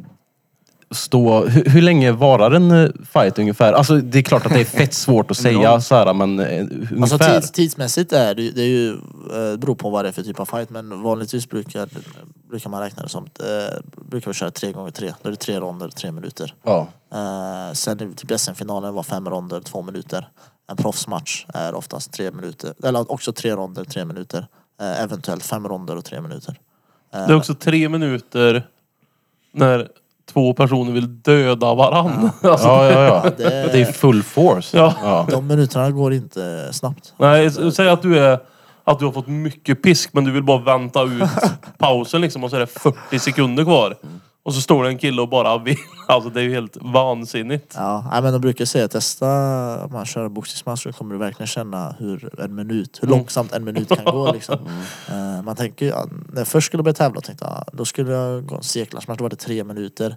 Tre ronder, två minuter, så blir det sammanlagt? Sex minuters fighting. Jag tänkte det är ingenting. Sex minuter. Nej nej för du kan springa en mil och du kan... Ja, Ja. men alltså, sex minuter, alltså, om man tänker på allmänt, sex minuter, vad är det liksom? Det, du går på toa och sen är det... det. Men i, alltså, det, var, det kändes som jag var där inne i två timmar liksom. eh, så, det, så de, det är helt, helt sjukt hur nio eller tio minuter kan kännas som så lång tid. Eh, sen om man har roligt där inne och liksom kör över Vad roligt! och, och, och kör över sin motståndare, då brukar det gå lite snabbare. Men, Dra skämt till varandra. Ja. men är det en tuff fight så då känns det som en evighet där inne. Pratar du med motståndaren så här, om du får in en träff och så här, bara, "Hej, den där kändes den. Ja, alltså jag kan ju, alltså inte pratar men eh, jag kan eh, göra typ en blick, ja men typ eh, så här. Så här lite minspel. Ja, eller typ så här, så att jag, vet, jag, vet- jag vet att den kändes liksom. eh, någonting sånt. Men, eh, Det syns ju också för att näsan hänger bredvid. nej men ibland märker man liksom på deras kroppssport, på, han, ja, om till exempel om man träff, satte ett bra knä eller ett, ett bra slag, att han blir liksom så här eller han blir liksom åh, så att han gör en liten gromma. Då kan man liksom göra en blick tillbaka, bara, jag vet den kändes. Eller ö, ofta, ett tell är ju när en fighter så här, får ett slag, blir träffad och säger att nej, nej, nej, den där gjorde inte ont. Då vet man, okej, den träffar bra som fan. När han börjar skratta eller le, då vet man okej, okay, den, den När han har fingret i kors bakom ryggen. Nej, känns inte. Men eh, nej, just prata har jag väl aldrig eh, gjort. Men jag har haft folk som pratat med mig i ringen. Eh, och då har jag ju svarat tillbaka. Och då har ju till och med domaren sagt till oss en gång så ni får sluta prata mitt i... Det är ingen dejt. Ja, Slår du han på munnen då? Eh, så, ja, då, det var ju SM förra året, det var i kvartsfinalen. Det var en kille som snackade jätte, Han höll på att liksom hetsa hela matchen. Och till slut började jag svara tillbaka liksom, så blev det ganska mycket tumult. Och ganska hetsigt mellan, efter varje, när, när domaren liksom bröt oss varje gång. Så till slut sa han nu får sluta prata. Eh, Men det är ju jävligt kul att se utifrån när det är tjafs. När folk jiddrar med varandra innan matchen. Kolla Conor och Khabib, hur mycket jävla liv det var innan. ja precis. Hur mycket de hypade. Och hur mycket försprång man kan få om du verkligen tar in mentalt i huvudet på den du kommer möta. Ja, ja absolut. Det, är- jag tror det är mest, det är typ så Conor har vunnit sina matcher. Ja, Ja, faktiskt. Ja, han stör dem. Ja. Som när han eh, sänkte Aldo. Ja. Bara Han hade ju, jiddra med han hade ju hur länge vunnit som innan helst. de gick in i ringen. Ja, exakt. Han har slaktat honom mentalt stackaren. Ja. Då gav han honom vänsterkroken så han sömna. Hade gött hej. Men på eh, Khabib funkar det inte. Ja, nej, nej. Där blir ju han piskad. Ja. Khabib, det är, är det- är inte svensken va? Nej. Vad heter han svensken? Kamsat Chimaev. Han är väl fett duktig han. Ja, ja. Ja. Vad är, vad är han för någonting? in, vad är det han fightas? Det är MMA i UFC. Jo men vad är det för, eh, vad är hans eh, ursprungliga liksom fighting? Tjetjen. Ja, han är Tror jag. brottare från grunden. Brottare? Ja, okej. han, Tjetjen! Ja, men jag, jag tror han är därifrån. ja, han är från eh, Tjetjenien. tror Eh, men Han, han är ju brottare. i Men grunden. Det kändes som att jag var på musikquiz. Svaret var boxare och han sa tjetjen. Men hur är det, har du fightats någon MMA eller något sånt här? då? Nej, jag har aldrig kört eh, någon MMA. är ju- Det är ju stående och på marken då för de som inte vet. Det är, liksom mix martial. Ja, exakt, Det, exakt. det är alla kampsporter i ett liksom. Eh, Men jag har aldrig, många som frågar mig om jag ska gå över men jag, jag tror faktiskt inte det kommer bli någon övergång till MMA. Det, Först VM. Ja, först Sen VM, bryr ja. vi oss. Ja. Ja, det blir ett, ett steg i taget, vi får se. Men nej, eh, men det är ju, nej. Jag körde lite brottning när jag var liten men det är, det är pissjobbigt det också. Men börjar din fightingkarriär i ringen? Eller var det liksom På gatan. på gatan ja? Ja, alltså det var ju lite, det började på att jag slogs mycket ute liksom. Och sen hade jag en, en lite äldre kusin som började störa sig på mig liksom. Vad, fan håller du på med? Vem tror du att... så sa typ om vi vill visa att du är tuff på riktigt liksom. Eh, han körde ju, han hade tränat thaiboxning då, kanske ett halvår eller något. Så han bara, men kom och testa och träna på klubben om du är tuff på riktigt. Så jag bara, jag kommer. Så han tänkte, han skitsnack, jag bara skit, han kommer inte komma. Så gick jag på passet var på och sen efter det fastnade jag. Hur, det, hur tuff kände du dig då där i början? När du var i ringen? Ja, ja, första, jag trodde jag skulle vara svingrym liksom. Ja. Jag, har ju sänkt en, två, tre stycken på gatan liksom. Jag, ju- Vem kan mot mig? Men jag fick så mycket stryk, speciellt av min kusin också. Så det var han som mest slog sönder mig. Ja men tänk, hur mycket har hans ord så eka i ditt huvud som säger kom och visa hur tufft du är? Exakt. Och det tog dig, alltså det måste ju ha varit en jävligt bidragande faktor till att du har tom- kommit så långt som du är nu. Det var det faktiskt. Det var liksom, alltså det blev ju att jag ville, jag har alltid haft det här, ja, tror jag att jag, det här bekräftelsebehovet att jag vill visa att jag inte är någon tönt liksom. Så, och sen har det bara att det har blivit utvecklat, att det har utvecklats vidare. Och sen när han sa så, blev det faktiskt som en men jag ska visa jag- Ja exakt. Eh, och just honom, för han, jag så- såg upp till honom, jag ser upp till honom än idag fortfarande väldigt mycket. Eh, så det var ju liksom, okej jag ska visa just honom att jag är någon han kan liksom respektera. Ja. Eh, så att det, det fast och sen fast, och det sjuka var att efter jag började med thaiboxning så har jag aldrig varit i en uh, gatufight, Street, alltså, nej. streetfight sen dess. Och då, då var det, jag började när jag var 16 skulle fylla 17. Det är Men nu kan fett. du dänga han istället. Ja men det är ju Äh, äh, idag tror jag, jag tror jag när det kommer till honom så blir det att det faller mentalt att det, går inte. det går inte, inte mot honom. Men det är ju det, jag gillar just den, vet du, de orden också. Kom så, ska, så- så får vi se hur tuff du är. För jag menar det är väldigt lätt för någon att bara springa runt på gatan och slå folk liksom. Men att ställa sig mot någon som, det här, eh, jag har tränat det här länge nu. Så här, jag kommer slå ner dig. Ja ja. Det är stor skillnad kan jag tänka mig. Att gå från att- fightas på gatan till att helt plötsligt möta folk som, som faktiskt eh, tränar skiten. Både fysiskt och psykiskt. Ja men hur gick det för eh, alltså Kimbo Slice som var en riktig street fighter som sen gick in i... I UFC. MMA. Ja, MMA. Ja, han, eh, han fick, jag tror han, det var någon, eh, de, han gick en match mot en annan kille som också var någon eh, liknande karaktär som Kimbo Slice, gatufighter som de hade hämtat in. Så kände ja, men du och Kimbo kör mot varandra. Och sen, jag vet, jag vet, inte om, jag vet inte om det var Kimbo eller han andra som fick en hjärtattack efter matchen för att de var så utmattade. En hjärtattack! En hjärtattack. Ja, han, de fick köra med ambulans typ, för han, han var så utmattad. Han, han hade ju, fighten var så, alltså den var så, han var så ovältränad. Jag vet inte vad, hur man ska förklara det, men han, han fick en hjärtattack. så, om det var, om, den finns ju på youtube, det är ju typ känt som den sämsta fighten någonsin. Men de båda liksom bara svingar och sen blir det liksom två zombies som bara... Ja. Mm. Knappt Men såg du den boxningsmatchen mellan eh, Half Thor och eh, vad fan heter han? Eddie Hall? Eh, Eddie Hall, ja jag, jag tror jag vet inte om jag har sett hela men jag har sett många klipp från den. Ja, men den var ju också... Fy fan vad ont det måste göra att käka en smäll från någon av dem. Alltså. Ja, Fast du hinner ju flytta dig. Du hinner flytta dig, gå och ta en fika och komma tillbaka. har, har ni sett han eh, Francis Ngannou? Vet ni om det? Ja, han, är, gud ja. han är ju champion i UFC. De har ju mätt hans styrka ja. eh, när han slår. Och det var typ som att bli träffad av en Ford Mustang som kör, som kör i typ 100 km i timmen. På näsan! på, Han är- nej, 100 Eller det var kilometer. något så, det var, eller det var något så här galet. Eh, Inte 100 men det var Han var Googla galen. Krillson, vi Det måste ta reda på det här. Vad heter Ford han? Mustang, Francis Ngannou. Eh, och så söker du, um, sök du Ford Mustang, det borde komma upp. Nej, stavas han hans har ju den efternamn? läskigaste fysiken jag har sett i hela mitt liv. Och så blir han ännu läskigare för att han är en gentleman. Det, det är någonting som händer där. Okej, du är farligast i hela världen. Ja.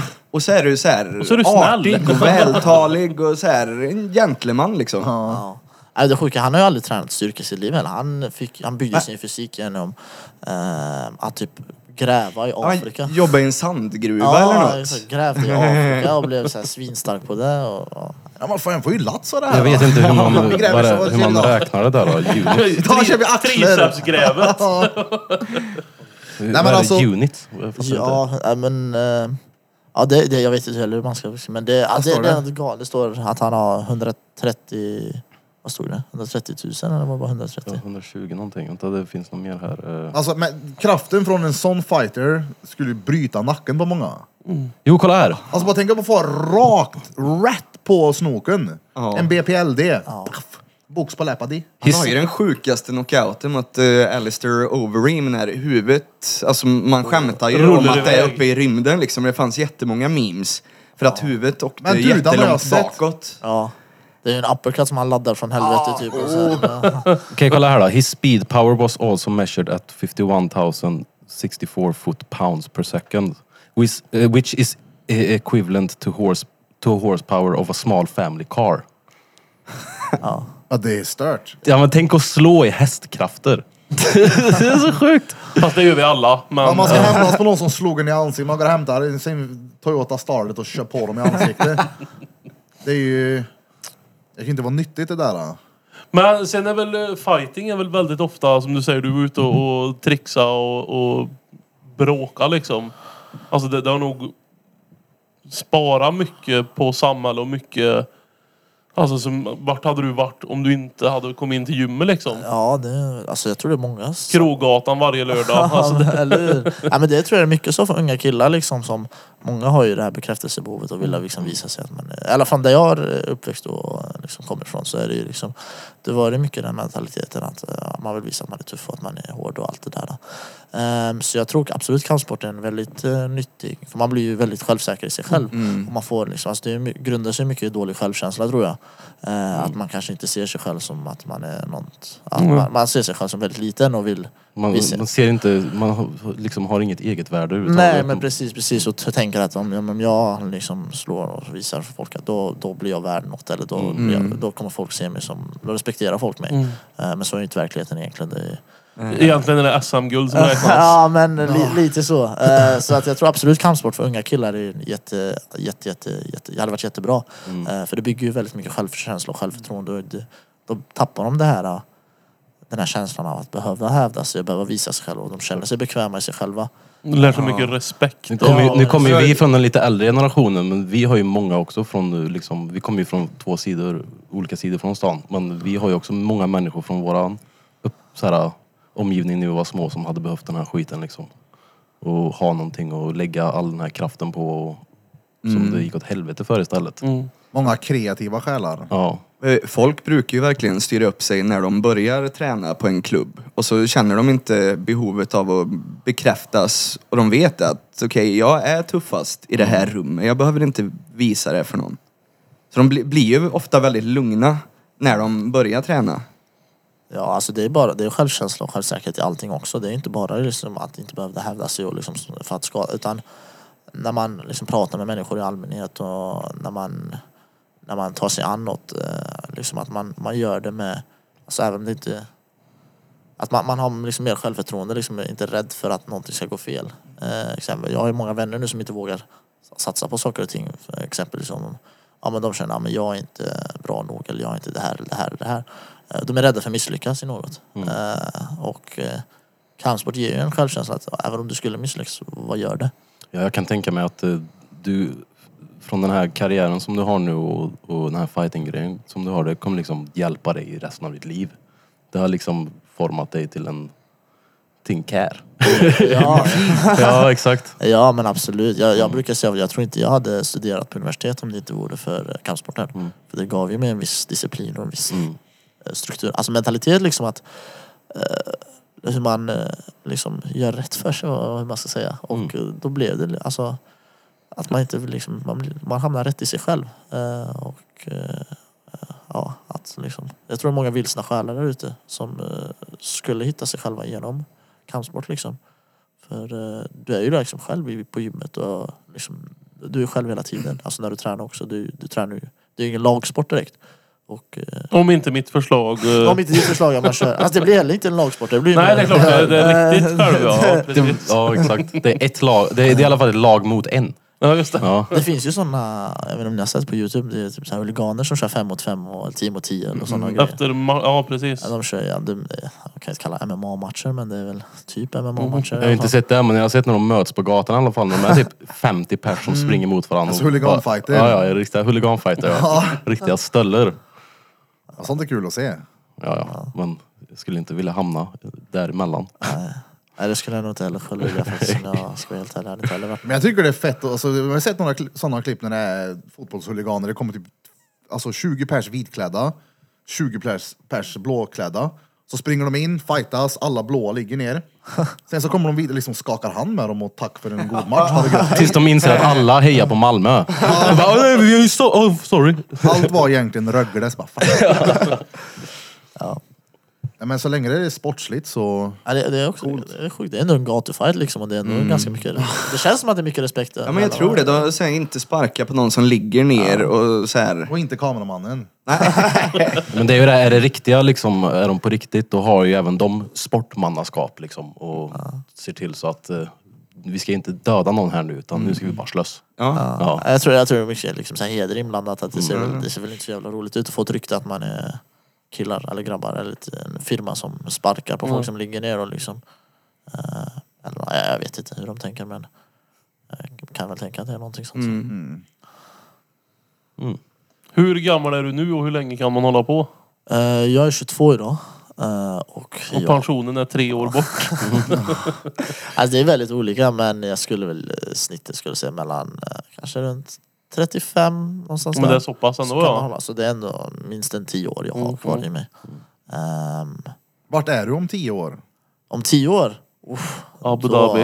Då, ja, då, ska jag, då ska jag vara på toppen av världen. Fett. Ja, om 10 år. Det Eh, var den Bilzerian. Ja men exakt. Jag, jag vet inte, alltså. ja, ja.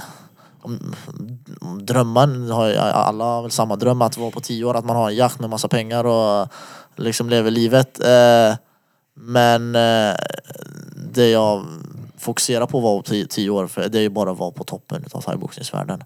Eh, sen eh, rent andra aspekter får vi väl bara se och hoppas att det följer med liksom. Fullblodad thailändare om tio år är du. Fullblodad ladyboy. Eh, ja men eh, Alltså shit.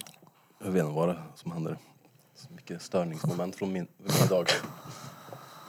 Ja men eh, det har varit jag ser mig själv om tio år. I på toppen liksom. Bäst i världen. Ja men exakt. Flera gånger om. Liksom. Alla viktklasser.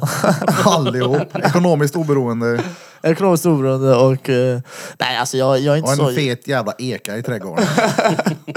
Jag har faktiskt Eka. eh, inte så jättemycket av materialistiska grejer. Eller jag var det förut men nu har det växt ifrån mig. Det har kanske blivit den här ödmjukheten med thaiboxning för det, det är ju sån ö- ödmjuk sport. Så det, Jo men sen när det sitter 17 miljoner på kontot. ja, då är det lätt att snacka. Då liksom. 17 miljoner menar 170. Ja just det. Dollar pratar jag. Ja, ja nej, vi, vi får väl se men eh, det ska ju vara toppen av thaiboxningsvärlden i alla fall. Cool. Vad är din eh, favoritkombo? När du fightas, har du någon sån? Nej, alltså jag har faktiskt ingen eh, favoritkombo. Eh, jag brukar aldrig göra någon specifik Men om du kombo. tänker tillbaka då på någon kombo som du satte. Om jag satt, alltså det var... Jag minns att eh, i SM-finalen i alla fall minns jag att min, eh, bara själva vänsterkroken, eh, den satt många gånger om. Kan du visa den på Krille? Men när vill du göra vänsterkroken? Vill du göra den när han gör en höger och så bara slinka in den? Eller vill du alltså- gå fram och bara smack? Jag brukar oftast tajma den när han kommer fram lite. Att när han kommer steget mot mig, att då eh, liksom tajma att okej, han kommer fram, bam. Då... Men han måste ju, det krävs ju att han flyttar på sin hand om man, om man står och håller Ja, men alltså, för oftast, kinden. kan han, oftast kan han liksom, om han eh, komma fram liksom och så göra någonting i samband med det. Eh, det beror ju på vad men eh, ja, han kan vara, han kan vara en vanligt högerslag eller vad som helst. Han kommer fram och sen liksom kontrar han med en vänsterkrok liksom. Eh, men eh, alltså det, det är väldigt, väldigt olika från fight till fight. Eh, det är liksom, men alltså, jag gör ju liksom allting i mina fighter. Vissa fighter boxar jag all, ingenting och vissa andra fighter kan jag bara boxa. Eh, så det är svårt att säga vem är favoritkombination. Men jag gillar att boxas bara i allmänhet. Eh, eh, det märker man liksom skalan. Då ser man det mer tydligt. Men du då Charles som också kör lite thai, har du någon sån favoritkombo? Eh, Som du tänker, oh det här skulle jag vilja sätta. Nej, jag, jag vet inte. Jag gillar att fejka en typ. Alltså en spark framåt och sen eh, komma in och slå något. Ja. Jag gillar att fejka mycket. Fejka en orgasm. Det är slut, när Charlie är i ringen så blir det inga slag. Han bara fejkar hela tiden. Lurar. Eh, En grej jag funderar på, för jag vet en del fighters gör ju andra grejer som inte har med träning att göra för att bli bättre inom sporten. Eh, ja, men till exempel yoga eller de tränar på, de stretchar väldigt mycket. Och eh, även mentala grejer, att de kanske visualiserar sig att eh, ja, men, så här kommer det kännas att vinna den här turneringen. Och tänker på det varje dag, så när de väl är i finalen så är de bekväma med att eh, ja, men, jag har varit här mentalt hundra gånger. Ja, men Eh, då- jobbar du med något sånt? Ja, ja alltså mycket faktiskt. Alltså när jag, nu, exempelvis som du säger, att när man visualiserar att man känner som att man redan varit där hundra gånger. Det var ju liksom så när det var SM-finalen. Alltså det kändes som att jag redan varit där. Det, det var nästan som en déjà vu liksom. Men mediterar du eller vad, när Nej, visualiserar alltså, du? det, det är liksom, Det- alltså, det kan man vara, man, alltså, man sitter hemma typ, och kollar Netflix och sen, eller vad som helst och så försvinner man i tankarna liksom och då visualiserar man hur det skulle vara exempelvis vinna VM eller vinna SM och liksom hur vägen dit skulle vara eh, sett till matcher och så vidare. Eh, sen blir det aldrig exakt så som man visualiserat sig eh, men eh, det, det hjälper väldigt mycket för då, jag var väldigt eh, lugn och avslappnad inför för det, jag hade redan varit där i princip för jag hade visualiserat det i så många år. Men det är attraktionslagen, det är som att programmera framtiden. Du, du lever i det du vill uppleva. Ja, 100 procent. 100 Exakt. Jag, bruk, jag har ju sagt sen tre år tillbaka, jag kommer vinna SM, jag kommer vinna SM, jag kommer vinna SM, det kommer. Så att alltså i mitt huvud, liksom, i min verklighet så fanns det liksom inget annat. Och så det, då blir det, det blir ju, det var, jag tror det var som Connor sa, alltså, speak it, believe it, receive it liksom. Alltså, det, Han säger också det att han satt i sin sletna jävla skitbil, men mentalt så satt han i sin Bentley. ja. Det, liksom, det var där han befann sig, han sket i hur bilen såg ut nu. Och sen vart kom han? Ja, men alltså, jag, Det blev tror, den. jag tror 100 procent på alltså, Jag tror också det är väldigt viktigt att våga uttrycka eh, det man tror och tänker. Till en viss nivå såklart kan ju hålla s- vissa saker för sig själv liksom, och hålla lite ödmjukhet. Men eh, exempelvis då om man ska ställa upp i en eh, turnering eller göra någonting viktigt i livet. Att, att liksom tro på sig själv och våga uttrycka sig bland folk. Liksom, att det här kommer jag göra och det här kommer jag klara. Eh, för det, det bygger liksom ett eh, undermedvetet tror jag. Ett eh, extra självförtroende, en extra boost. Men det är ju det, i, i ditt fall så är just den här attraktionslag-grejen så här, det blir lite läskigt. Du som ändå har visualiserat att du ska vinna SM och så här, och så vinner du SM sen. Det är ju så här du är ju ett tecken på att det funkar. Ja. Och då blir det lite läskigt tycker jag. Men då, då är ju frågan, gör alla så? Arbetar alla på det här sättet och det funkar bara för dig och för de andra Men tolv? jag, jag tror att det är Funkar svårt. Jag tror att det är svårt att, att faktiskt eh, leva i det som, som han säger att han har gjort. Det, det är svårt att Jag gör faktiskt det. komma dit. Jo men alltså på riktigt, typ så här, för jag har svårt att typ så här, sätta mig in i någonting som jag inte är i.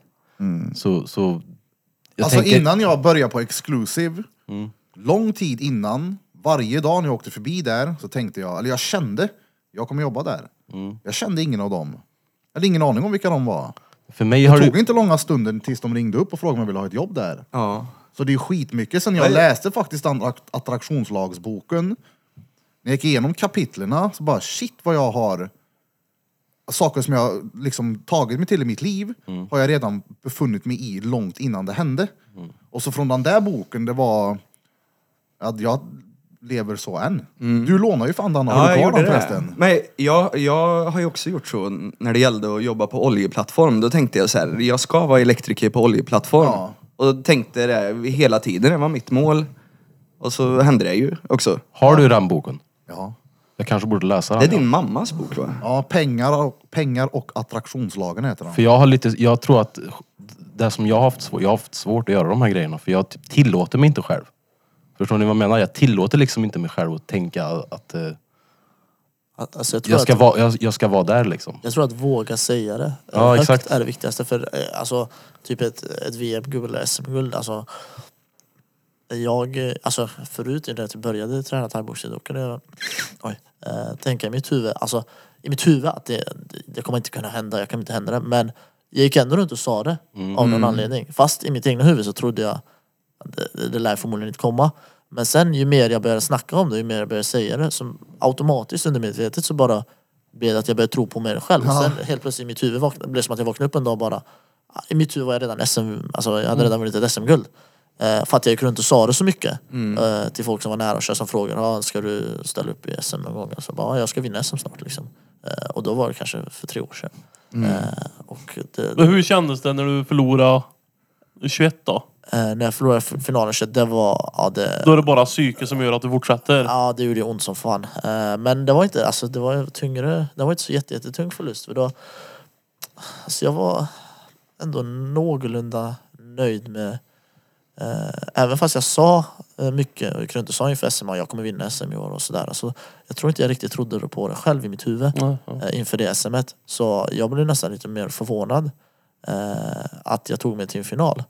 Eh, även fast jag sa att jag skulle vinna till folk och jag trodde att jag någorlunda skulle vinna så var, nu var inte, det var inte samma självförtroende som jag hade nu i år.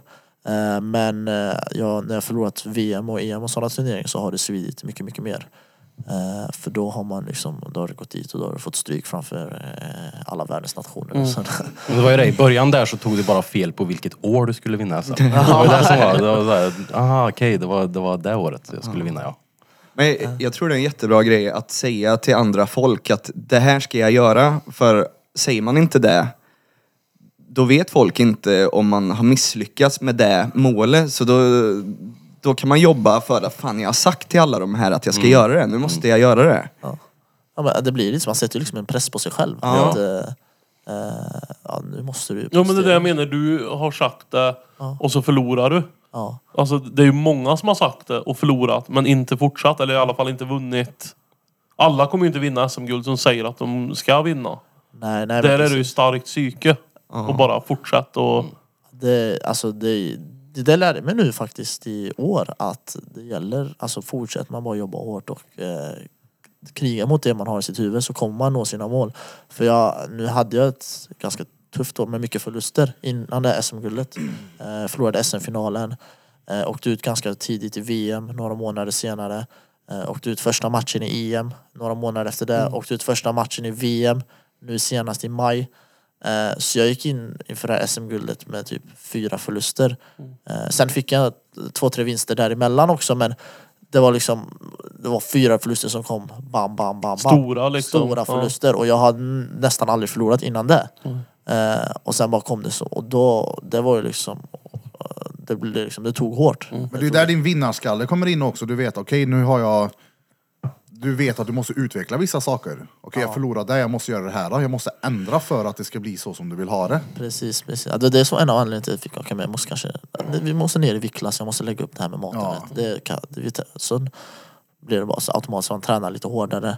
Eh, mer fokuserad, mer Det är disciplin. många som hade gett sig långt innan det där. Som har tanken jag kommer vinna SM, får stryk en gång bara jag skiter i det. Det kommer ändå inte gå. Ja. Det, det är ju mycket, all- den här, all, all sport i allmänhet, det är mm. allt sitter ju mentalt för det, motgångar kommer ju. Ja, livet överlag är ju så. Ja, livet Du överlag. kommer alltid ha Och motgångar. jag tror att de flesta vinnarna också, de, de, man kan ju inte vara en vinnare om man inte har förlorat. Ja, nej så är det ju. Exakt, och jag tror att de, de riktiga vinnarna, de är medvetna om det och de använder ju det här som bränsle liksom. Och bara, ja, men det är en del av det. Ja. Du kan inte vara en vinnare utan att ha förlorat liksom.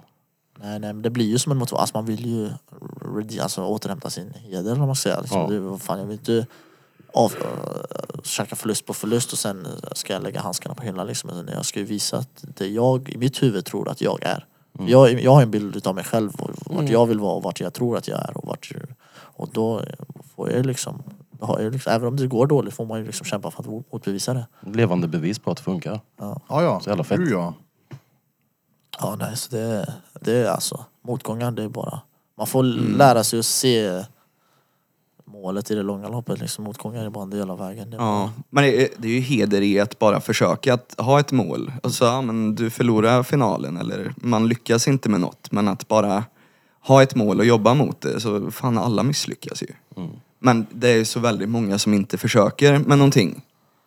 Ja, alltså vill man verkligen nå någonting stort i livet så tror jag absolut att du måste, du kommer misslyckas 10 000 gånger om. Jag vet ju redan nu på förhand att jag kommer käka mycket tunga förluster och det kommer vara mycket tårar, det kommer vara mycket att jag kan tänka fan är jag, är jag verkligen bra nog? Det, det, men det gäller bara att acceptera att det är så verkligheten är. Vill man bli bäst, då alla de bästa i världen har ju liksom käkat mycket förluster. Mycket knogmacka. Ja. Ja men alltså i- allt i livet liksom, inte bara i thaiboxningsvärld utan eh, alla framgångsrika människor. De har ju haft st- större motgångar på något höger eller vänster. Ehm, kan man ju se fram Kollar man Elon Musk till exempel blir av med hundra, hur må- säkert failat tusen företag har han sagt. Jag failade tusen företag innan Tesla och eh, Star, eh, hans raketföretag. Mm. Fan det gick bra liksom. Så det ehm, Ja men det räcker med alltså, att kolla på, jag kollar på mycket dokumentärer och så här. Och det är ju många av de här framgångsrika människorna. Det är så här, anledningen till att de är framgångsrika idag, det är ju för att de inte slutade. Det är ju som du säger, de har tusen företag innan, de har så försökt på nytt och sen så gjorde jag den idén, det funkar inte. Sen gjorde jag den idén, det funkar inte. Sen gjorde jag den idén, det funkar inte. Men sen gjorde jag den idén. Microsoft. Bill Gates. Ja men, ja, men jag tror verkligen det är så. Bara man fortsätter jobba hårt och eh, har en vision och ett mål att jobba emot. Eh, liksom att man vet, okej det här är det. Vet jag att jag jobbar åt rätt håll så kommer det förr eller senare. Mm. Eh, så får man bara ta smällarna på vägen liksom. Är motgångar som kommer. Eh, och liksom bara kämpa sig igenom det hur tufft det än är. Jag tror också många har drömmar och visioner om vad de vill göra och uppnå. Men tanken på vad andra ska tycka och tänka stannar dem. Absolut. Man ger sig där, man vill göra det, man har idén och så bara, eller skitsamma, de kommer ändå säga så. Vad kommer folk tycka om det? Vad kommer folk säga? Ja, det är svårt att stänga ut allt eh, oljud utifrån liksom. Eh, och jag tror det är speciellt i början det är svårast. För sen när det blir någorlunda, Då är du på väg. då är du på väg, då liksom börjar folk acceptera, okej men han eh, gör misstag, han gjorde han förlorar en match, okej men du, han har ändå vunnit så mycket innan. Men när man är i början, om jag skulle ta mitt exempel, om man är bygger sig upp och säger man man förlorar igen och han förlorar här igen, varför fortsätter han ens? Liksom sådär men eh, Men Det är bekräftelse, man måste ju få, eller måste kanske man inte måste men det är så här. Man behöver ju ha lite bekräftelse ibland för att veta liksom att ja, ja, det, det, det här funkar liksom. Och jag tror att många ger upp för att bekräftelsen kan ju ta tid innan den kommer. Och då bara, herregud, hej. Hur lång tid tog det innan du fick någon form av bekräftelse av kusinen? Från och med att han sa det, kom hit och visa om du är tuff. Det gick ju inte tio träningar och sen han bara, okej du är tuff nu, det räcker. Alltså han brukade faktiskt alltid ge mig kärlek över att eh, han brukade slå på mig som fan. Eh, och jag brukade faktiskt jag brukade inte ge mig. Eh, så han brukade ge mig cred för det. Han bara, men det är bra att du inte ger det. Men nu på senare år, sen nu när det börjat gå så, så bra liksom, så ger han mig mycket kärlek också. Eh, så nu har det väl övergått till att nu, nu, nu är jag väl tuff på riktigt. Du var tvungen att få ett SM-guld i thaiboxning. Ja, ja, ja. Nu är det det så fan här, tuff. okej då. Okej då. Du är Vad lite heter han kusinen? Eh, Soran heter han. Eh, ja, inte. så han eh, jobbar som eh, lärare på um, Norrstrandsskolan. Eh, också en väldigt eldsjäl. Eh, han sett mig få. Jag, exempel, jag tror jag minns första gången jag fick stryk på riktigt. Det var av Klas. Alltså, Ja, jag tror det. Klas, jag var ganska ny. Eh, jag hade väl Det är klart de skickade in honom. Ja, Ja, jag, jag, jag, jag minns inte exakt hur länge jag hade tränat men jag hade inte börjat matcha eller någonting än. Och Klas skulle förbereda sig inför en ganska stor match. Ehm, Man behövde någon. så de behövde någon. Så... Han behövde någon att slå ner. Så- Och de visste att du gav det inte hur mycket stryk du än fick Nej, liksom. det, jag tror nog bara att jag var den enda som var tillgänglig vid den stunden på klubben. Så han men du får köra mot Klasen. Jag, bara, och jag var ju jag var ganska oerfaren och eh, lite vild på den tiden. Så jag tror jag försökte svinga lite för mycket mot Klas. Så jag fick ju smaka, så jag minns ju min näsa bara blödde. Jag hade blod på hela bröstet liksom efter. Det var, jag tror det var första gången jag fick stryk, stryk på riktigt på klubben liksom. Eh, om jag inte minns helt, så det var av Klas. Klabbe är en av de sista jag skulle vilja träffa i en mörk grann någonstans. Vet du? Ja. Nej men han är en av de bästa människorna på den här planeten. Jag vet det, jag vet du hade det. velat träffa han, men du hade inte velat jiddra med Det är det jag honom. menar. Det är det jag menar om det hade varit i det, det Ja, ja. sammanhanget. Att, eh, ja, Då får du med dig en Kalashnikov om du ska ha en chans. ja, ja. Han har ju fan det är sixpacken är bulletproof, du kan inte skjuta honom. Nej, jag är världens snällaste kille. Men, Ja, ja, eh, gud, det är han ja. verkligen. Men eh, stenhård absolut när det kommer till, eh, till fighting. Det är det som är så roligt också med just Klabbe. Det är ju så här att han är en av de snällaste människorna på jordklotet och så är han så egentligen farlig. Så här, om det behövs. Men det är det som man säger Dalian, det blir disciplinen Exakt. och ödmjukheten som Exakt. kommer med sporten. Ja. Ja, det, jag tror det blir så nu för alla thaiboxare egentligen. Alltså, alltså alla är ju egentligen, alltså alla på våran klubb är jätte, jättesnälla.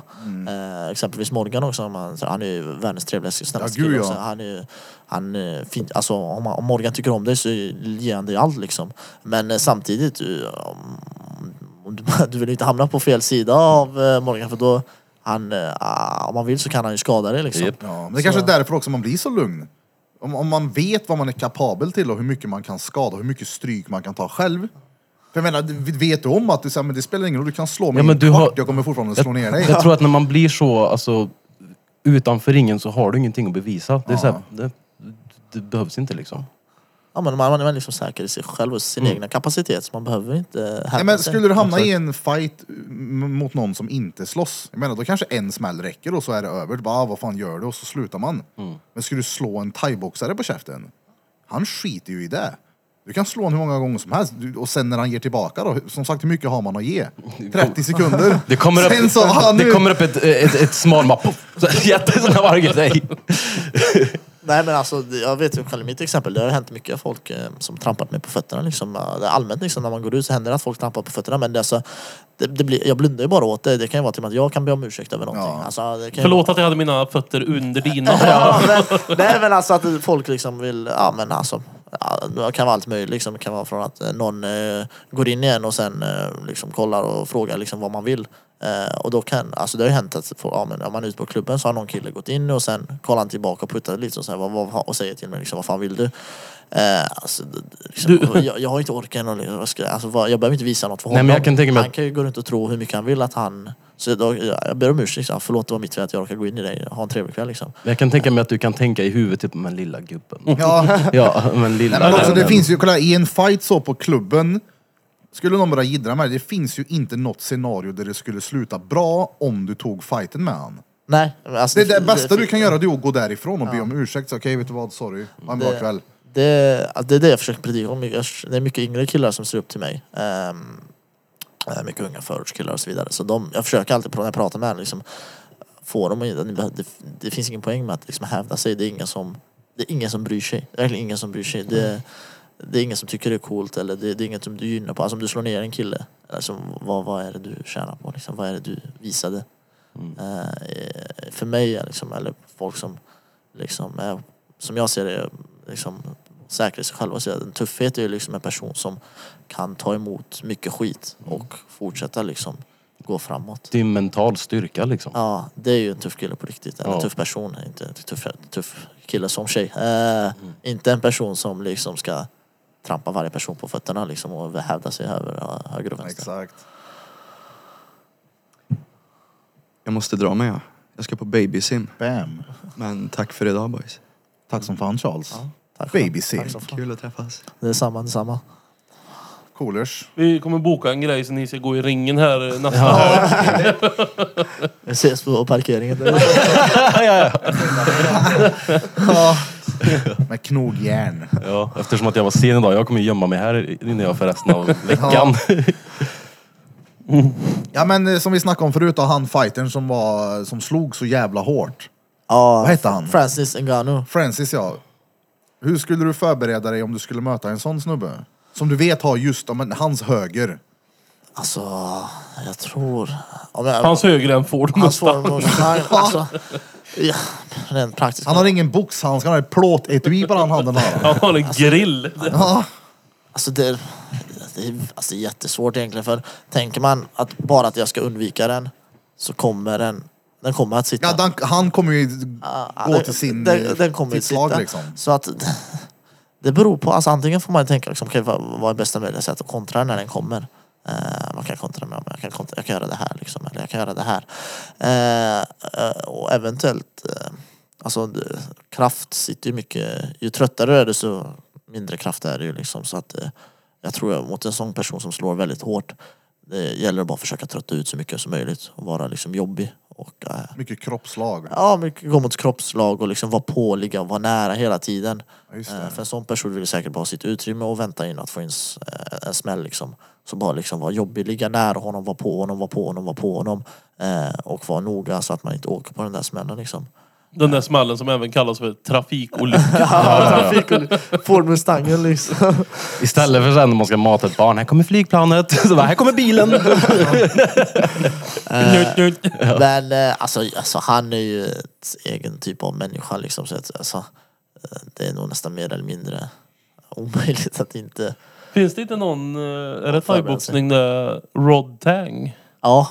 Han är ju, Vem är det? det är en liten jävel alltså. Han är, han är så otroligt överlägsen. Och han, i- ibland så bara, om han är råöverlägsen så bara tar han ett steg tillbaka, sträcker fram hakan och så får den andra jävel bara slå några gånger. Han bara visar hur han dominerar. Det har jag inte sett. Alltså det är en, han är 1,55. Ja, han är, all- ja, något sånt här. Han är nog- ja, en och- en och 65 kanske. Någonstans där. Nå- Han, alltså har man aldrig sett thaiboxning förut och vill börja ka- thai, kolla thaiboxning liksom, då skulle jag säga Rod Tang är den bästa. Han är Det- han är den helt ro- grym Han är, alltså. den roligaste, han är den roligaste att börja kolla på. För han är ju en sån... Han går ju framåt liksom. Han käkar smällar, han käkar sparkar i huvudet, slag mot huvudet. Han står ju till och med och låter folk slå honom. Ja, ja. Nej, och så liksom, han slår tillbaka det med, det med sån kraft. Det, det, typ han, då tänker jag att han fick ju börja sparka på lyktstolpen när han var tre. alltså för, för han verkar ju kunna ta vad som helst. Ja, alltså nej, han är ju ett djur. Det finns ju så mycket videos på när han käkar huvudsparkar och käkar. Han står liksom och säger åt dem att slå honom i Men ansiktet. kom igen då, kom igen så- då. Så bara står han där. Står han och käkar typ händerna bakom ryggen. Ja. Och käkar två, tre slag och sen liksom. Och sen visar han att okej, nu har du... Var det allt du hade? Ja, Liksom. Ja, men det är det jag menar med om man fightas mot någon som kan fightas och det där händer på gatan. Du slår någon två gånger i ansiktet han bara, ja ja. Inte. Kör en gång till. Kör en gång till lilla t- gubben. Tänk att vara den då som, som startade det där bråket. När när han har in- slagit han två gånger och inser sen bara oj shit jag gav till allt här två gånger och han rörde sig inte ens. Han står och ler här. Jesus, nu åker vi. Jag kollar på det sen. Rod Tang. R-O-D Tang. Han är... Men det vet jag Kimbo Slice också gjorde i fighter. Han lät dem slå honom på käften. Ja. Och det är också bare knuckle utan jävla handske. Ja. ja, det är jag vet, en viss mentalitet vissa man har. Men eh, som sagt, det är, det är ju inte det är olika från varje person till person. Jag skulle aldrig göra det. Vad tror du han är för viktklass? Rod Tang? Ja. Han kör ju typ, jag tror det är 60 kilo han kör. Ah, Okej, jag tänkte om, om du kunde... Ah, nej, jag är nog några... Ska du vilja möta honom?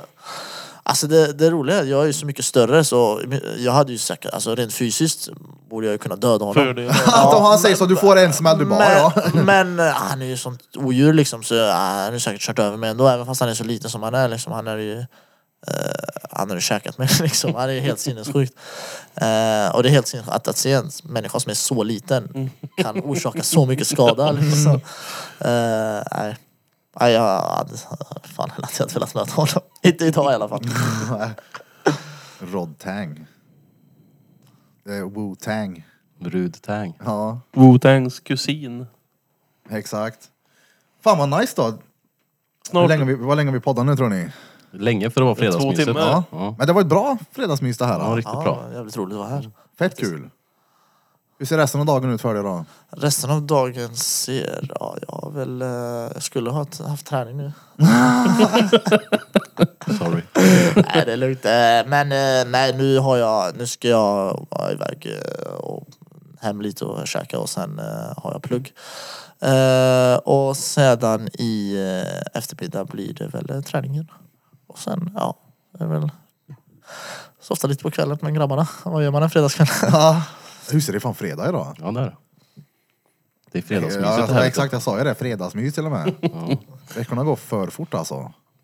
Ja, vi visar på bra disciplin idag när båda var sena. Ja, Ja, jag skyller på trafiken. jag skyller på mig själv. Ja. Duschen. Coolers kanoners. Yes. Då avrundar vi där. Det- Tusen tack att du var med. Ja men tack så Verkligen. mycket. Trevligt. Jävligt trevligt. Var snäll mot uh, han sen. Tack som fan för att ni har tagit tiden till att lyssna på fredagens fredagsmys. Hoppas vi ses ikväll på Taco Bar. 18.00 är vi på plats. Quizet drar igång vid 18.30. Vem har gjort det? Denna gången är det Feltson Peltson Barbosa, Krille, mannen bakom knapparna. våran eh, ljudtekniker, Mm. a.k.a. Eh, promoter för podcasten och studion. Det kommer vara ett bra quiz. Det kommer vara mycket svenska dängor idag. Oh. Ja. Jag kommer vara Han med... Dalian kommer alltså komma och dänga många svenskar, eller vad sa du? ja. Exakt så. Ja. Och återigen, tack som fan för att du kom hit. Ja, men och tack så stor jättemycket. jävla applåd till dig som Ja, har tagit dig så verkligen. långt. Och vi ser fram emot eh, VM. VM 2023, ja, maj. Fett. Alla ni som lyssnar, ge henne en applåd. Det är ingenting du hör nu, men alla sitter och applåderar. Jag har det i skallen. Ja, ja. Coolers. Och shoutout till alla dina, din- dina coacher. Ja, coacherna shoutout. Eh, Din stort, kusin också. verkligen, verkligen. Eh, kan väl eh, lägga en namn-shoutout till Ja, ja. allihopa. Jag lägger väl en till eh, min huvudtränare Danny såklart. Eh, så har vi också Morgan, hjälpt mig väldigt mycket. Eh, Kalifen och sen eh, Essan på Team Fitness Deluxe. Eh, han kommer säkert inte höra det här men han, han har ju varit en eh, extrem, extrem bidragande faktor. Och eh, sen även ett en litet eloge kan man eh, Hammarö, eh, Fight Club få. Eh, där jag får träna mycket boxning och det är med till med själva bara boxningssparring och fokus där. Eh, och låtit mig träna gratis och så vidare. Så det är absolut. Så det är många bidrag. Det är eh, många som bidragit till det här SM-guldet och mina framgångar i allmänhet. Det är inte bara jag själv. Det är omöjligt att ta sig hit på egen hand. Liksom. Det Ja, man behövs- behöver ett team. man behöver ett team och man behöver folk som bryr sig och hjälper en verkligen. Så det, det är absolut eh, eh, team effort skulle jag vilja säga till alla framgångar man, man har haft. Och ha det gött i Thailand då. Oh, det ska, det ska jag försöka. Ha det gött. Ja. Ja, ja. Hoppas det blir en lärorik Ja, förhoppningsvis vistelse. kommer inte hem som en tjej. Liksom. Ja, exakt. Vi kan ta in där. Tack som fan för att ni lyssnade. Ha det bäst.